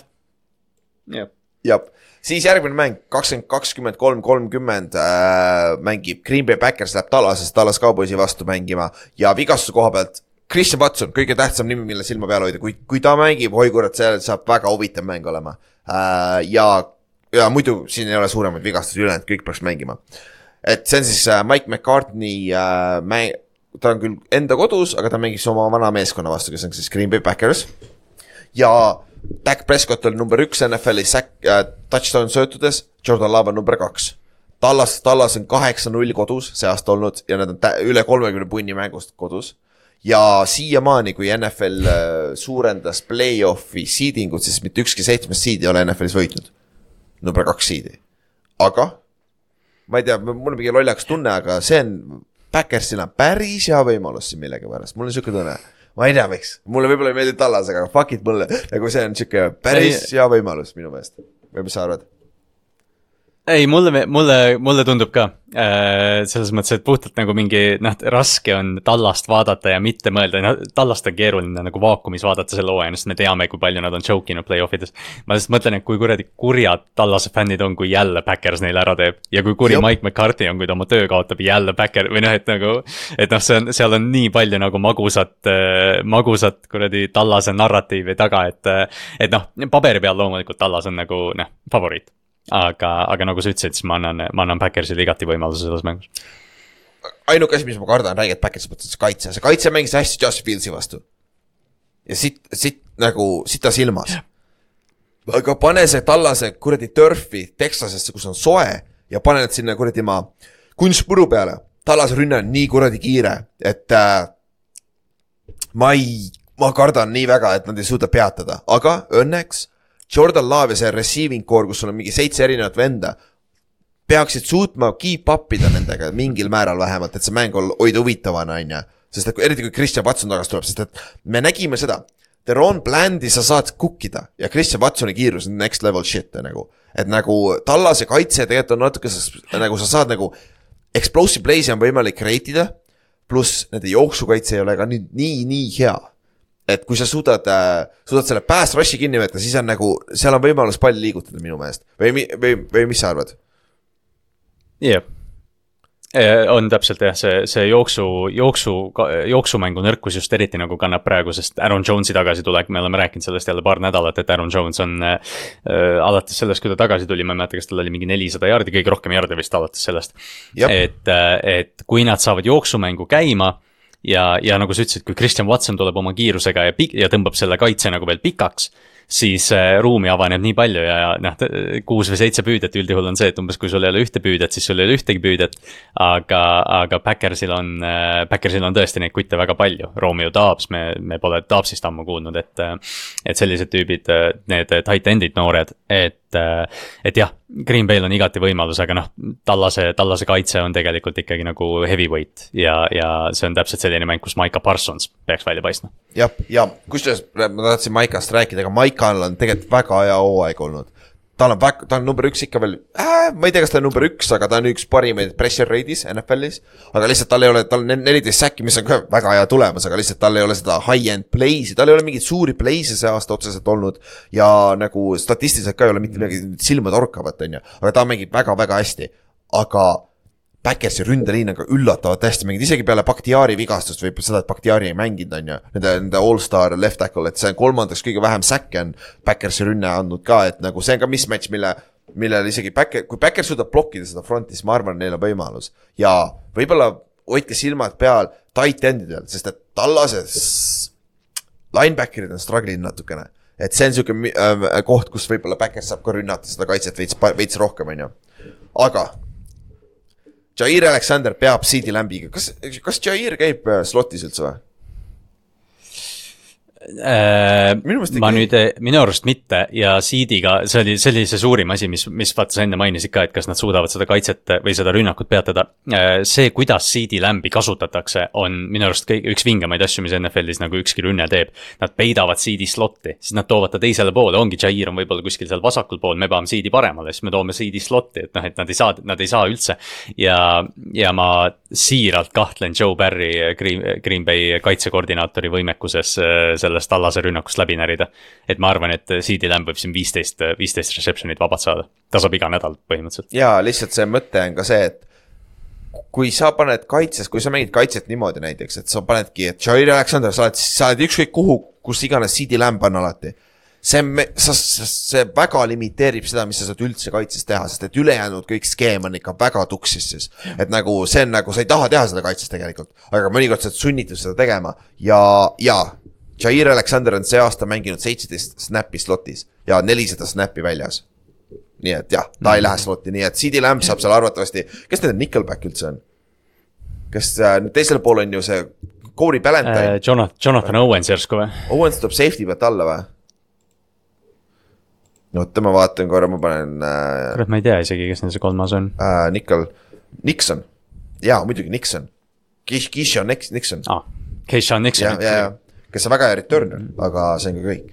et, äh, et äh, Keishon äh, Nixon jah, et aga jah, Backersil on käed-jalad tööd täis siin mängus, aga minu meelest on nagu võimalus, sest et ma näen varianti, kuidas Backer suudab punkte skoorida piisavalt, et see mäng vähemalt close'ina olla, hoida nagu.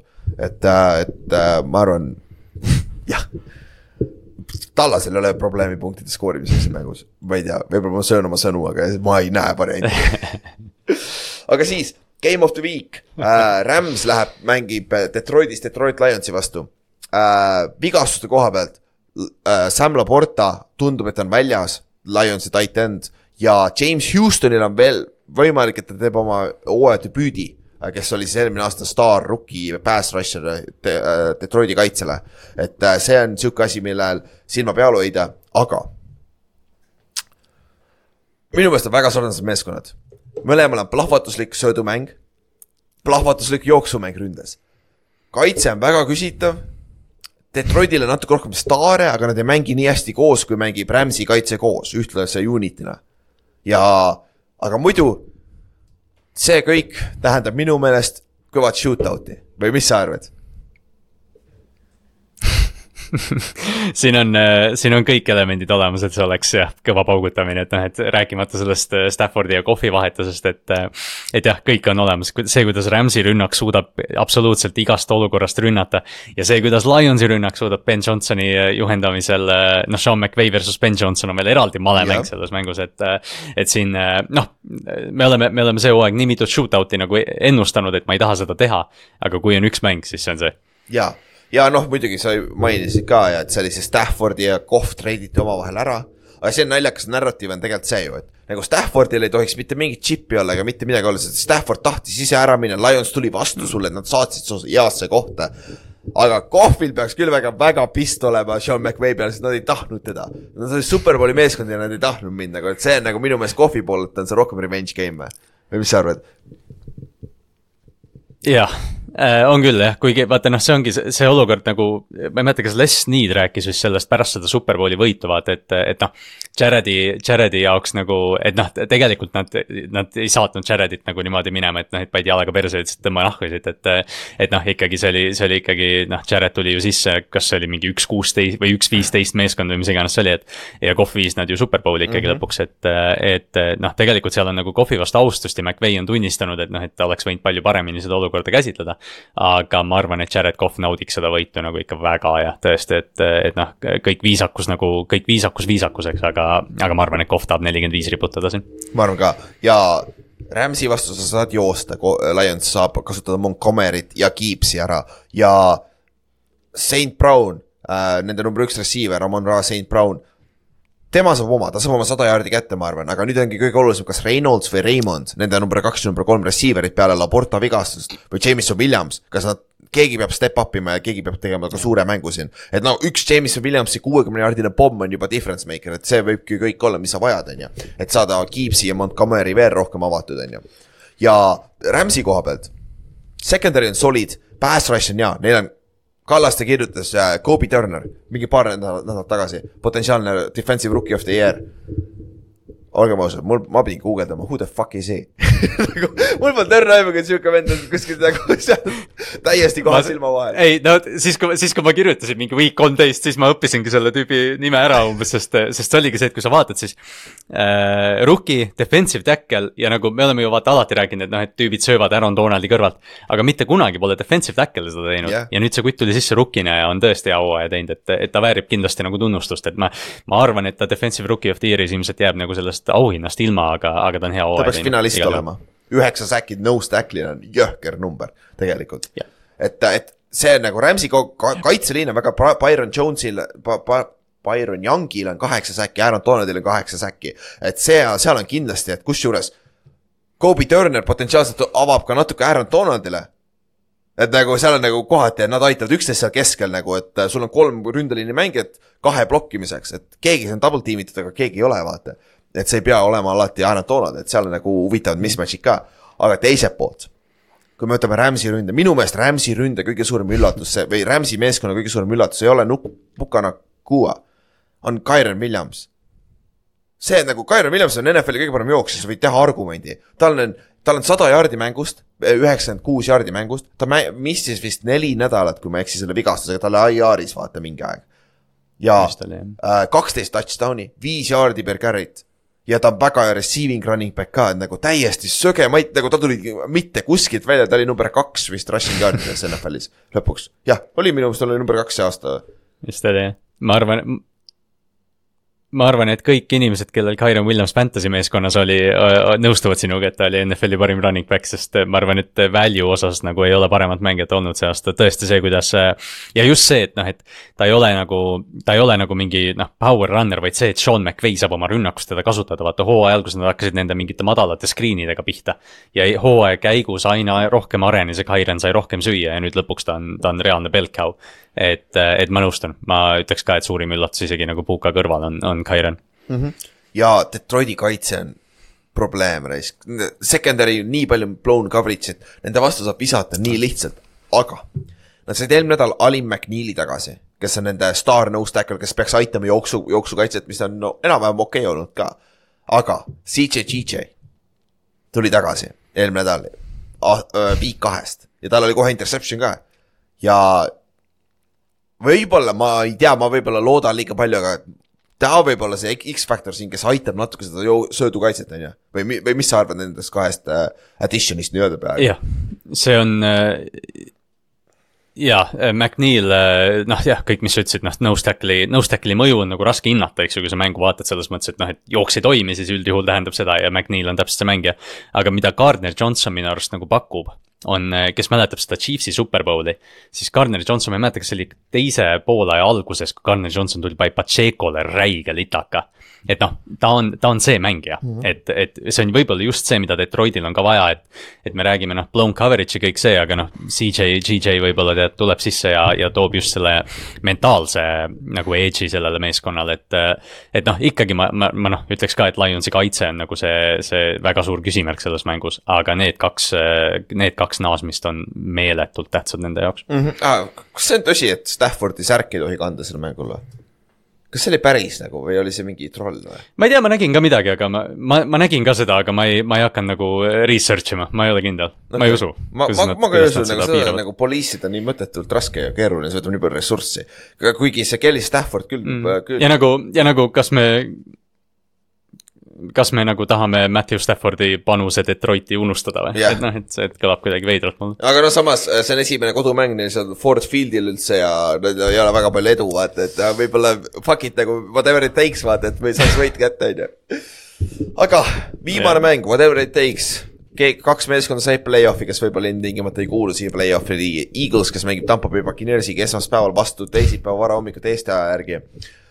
Eagles on hu- hunnik vigastusi, sul on Hertz äh,, näpp läks välja liigesest, aga viskage näpp, aga tund-, seal ei ole fracture'it, eks ta peaks okei okay olema. AJ Brown, mis tundub ka ok- okei okay olevat, ta vähemalt mängib, kui efektiivne ta on, eks me näe. Devonta Smith, ma loo-, arvan ka, et ta mängib, kui ta eelmine nädal ei mänginud, on ju, et ta saab, sai lisanädala puhata. Darius Slay on tagasi, Andre Swift potentsiaalselt tagasi, et seal on nagu, kui nad kõik need mängijad tagasi saavad, siis see on nagu hea nende jaoks. ja, aga nagu, mis nagu, minu meelest nagu Eagles on nii sitasti mänginud, et nad peaksid kaotama selle mängu. aga siis jällegi teiselt poolt Tampo Bay on veel sitemini mänginud minu meelest ja neil ei ole talenti. et nad ei, et nagu ma ei teagi, kumba mäng, ma ei oska mitte midagi öelda sellest mängust ausalt öeldes.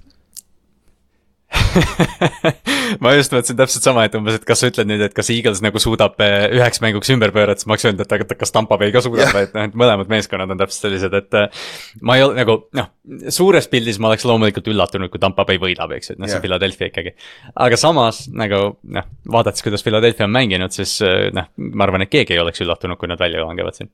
ja, ja no Puccaneersi kaitse on hea, Antonio Winfieldist me rääkisime, on ju, duct tape, ta parandab seda kaitses väga palju auke äh,. kaitseliin on päris hea, neil on äh, top kümme on säkkides, points per game'is on number seitse, on ju äh,.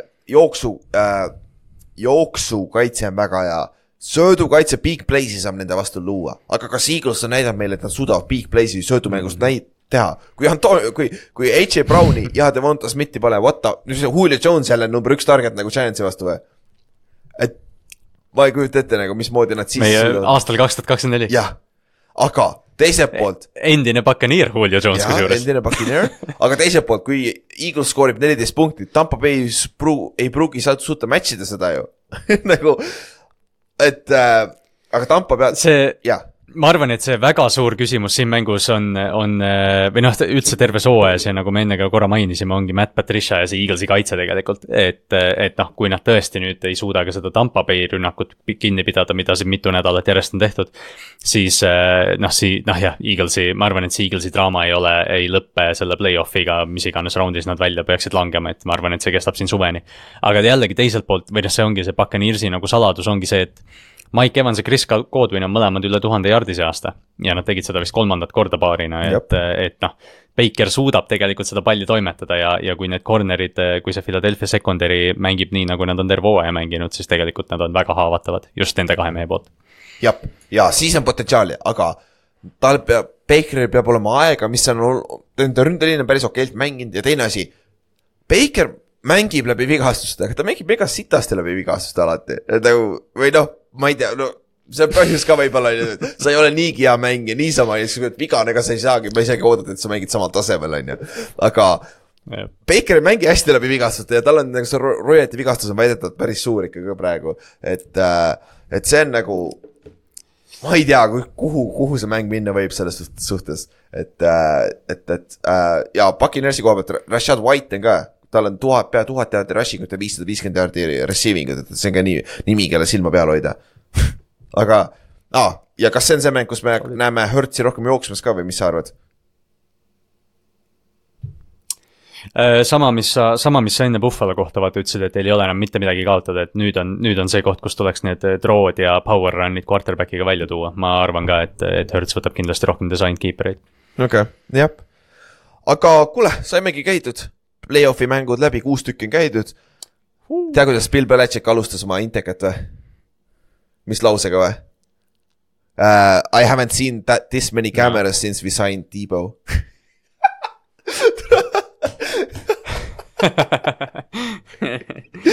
kurat, Bill noh, ma, ma loodan, et nagu noh, Bill Belichik on, no me rääkisime temast nii, või noh, me räägime temast veel, et ta on ikkagi GOAT, aga.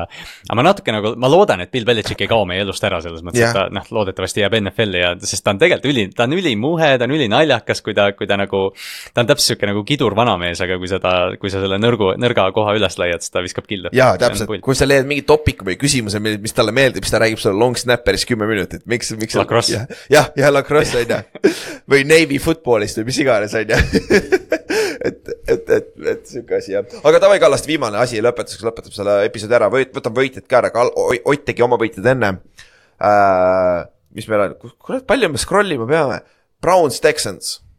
ma, mina olen Brownsiga, ma ei usalda veel Texansit. mm,. no ma olen Texansiga okay., ma võib-olla puhtalt sellepärast, et ma ei taha Joe Flacco't näha. Baltimore, ja, ja sa pead ootama kuskil mujalt upset'i, sest Steelers peab võitma, vaata, siis sa näed Steelersit. ja, ma ei tea jah, see arvates on lihtsam kui Flacco on ju. null kaks äh, Dolphins äh,, Chiefs. ma olen ikkagi Chiefsiga, ma ei usa külma silmas ka tuua ja see rünne, ma ei näe varianti, kuidas nad suudavad skoorida piisavalt. no aga samas tuleb, võib-olla pole vaja palju, palju vaja skoorida, aga, aga ikka ma ütlen Dolphins, Chiefsi. ma, ma jään ka Chiefsi peale, see on ikkagi noh, jah, see on play-off, kõik on võimalik, aga, aga ma arvan, täpselt sama põhjus, mis sa ütlesid just, okei okay., siis äh, Steelers, Pils, mõlemad Pilsiga või? jah, ma ei usalda Mason Rudolphit. nope. Backers, Cowboys, usaldad äh, Laavi rohkem või? või mis sa arvad? no. No armastust peab alati usaldama, aga ma arvan, et Allas võtab oma. jaa, sama, ma arvan kõik, et Allas võtab oma äh,. siis äh, Rams, Lions, ma, ma, Lions. You know what, kõik valivad Ramsi, see on nii no. Populaarne pikkus, Rams võetakse, aga fuck it, ma ütlen Lionsi. Ma mõtlen ka, see Detroiti koduväljaku eelis võib neile väga kasuks tulla, et siin on vaja, siin on vaja ühte või kahte Staffordi interception'it äh, ja, ja noh, ma lihtsalt, ma nagu noh, kõik see, mis me Rams'ist rääkisime, et, et nad on väga hea ja plahvatuslik rünne, ma arvan, et Lions on tegelikult stabiilsem rünne. kui, kui nende kaitse natuke püsib ja koduväljaku eelis, eriti Detroitis, kus, kus fännid on oodanud kümneid aastaid, et sellist mängu näha. ma arvan, et Detroit võtab. ja kõige haigem on see, et sa tahad öelda, aga Kohv teeb ju palli kaotusi. no kui Stafford pole ka väga palju parem, ta teeb ühe kena kingituse ka veel siit, ta viskab, tead, kuidas see mäng peab lõppema, tead, kuidas see mäng peab lõppema. Nad on viigis, Stafford viskab Big Six'i. jep, that's how it's supposed to end, that's how it's Oh. supposed to end. Damn, tõsi. see nagu jah, jah, see nagu jah, oleks päris kurb. siis Eagles, Buccaneers, ma võtan Eaglesi puhtalt sellepärast, et mul ei ole aasta aega Buccaneers meeldinud, ma ei tea, kuidas nad sihukeses positsioonis üldse on, ütleme play-off'is on, aga Eagles mängib ka megasitastega nagu. ma ei usalda Baker Mayhi, Mayfieldi Bucksi noh. Mul on, mul on ka hea, et Ott, hea, et Ott ära läks, sest ta, ta vahepeal siin mitu nädalat järjest, ma ei tea, mis Ülaril Tampa Bay vastu kogu aeg on, aga mul on täpselt sama. ma, ma lihtsalt, ma ei suuda usaldada Baker Mayfieldi ja, ja noh, veel vähem, ma ei tea, Todd Bowles'i ja kõiki neid, et. et noh, kumbki meeskond ei vääri ilmselt usaldust, aga noh, Eagles käis eelmine aasta Superbowlis ja tegelikult ega väga palju muutunud ei ole, lihtsalt noh, nad peavad leidma selle võtme.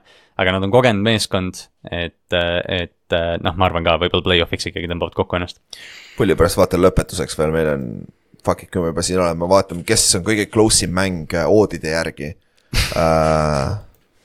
noh, mine nüüd, ma ei tea, Browns on kaks pool, kes favoriit on, Browns on favoriit kodus või võõrsil. Steelers, Bill, Bills on kümme pluss kümme, Backers, Cowboys on pluss seitse. ja Dolphins, Chiefs on ainult pluss neli, ja jah, ja Rams, Lions, Lions on kodus pluss kolmega favoriit ja Eagles on võõrsil kolmega favoriit. noh, okei okay,, make sense, aga ehk siis Wow. Brownsi ja Houstoni mäng on kõige, kõige close im äh, sports betting'u järgi. tundub ka loogiline ausalt öeldes. aga kuule, thanks kuulamast, saime selle episoodi läbi palju õnne kõigile võitjatele, kes võitsite, te võite meile kirjutada, aga me võtame teiega ise ühendust ka ja siis äh, anname teile auhinnad ära ja kõik need asjad ja näeme siis see pühapäev Olipet baari grillis kell kaheksa Eesti aja järgi. Davai, tšau. Davai, tšau.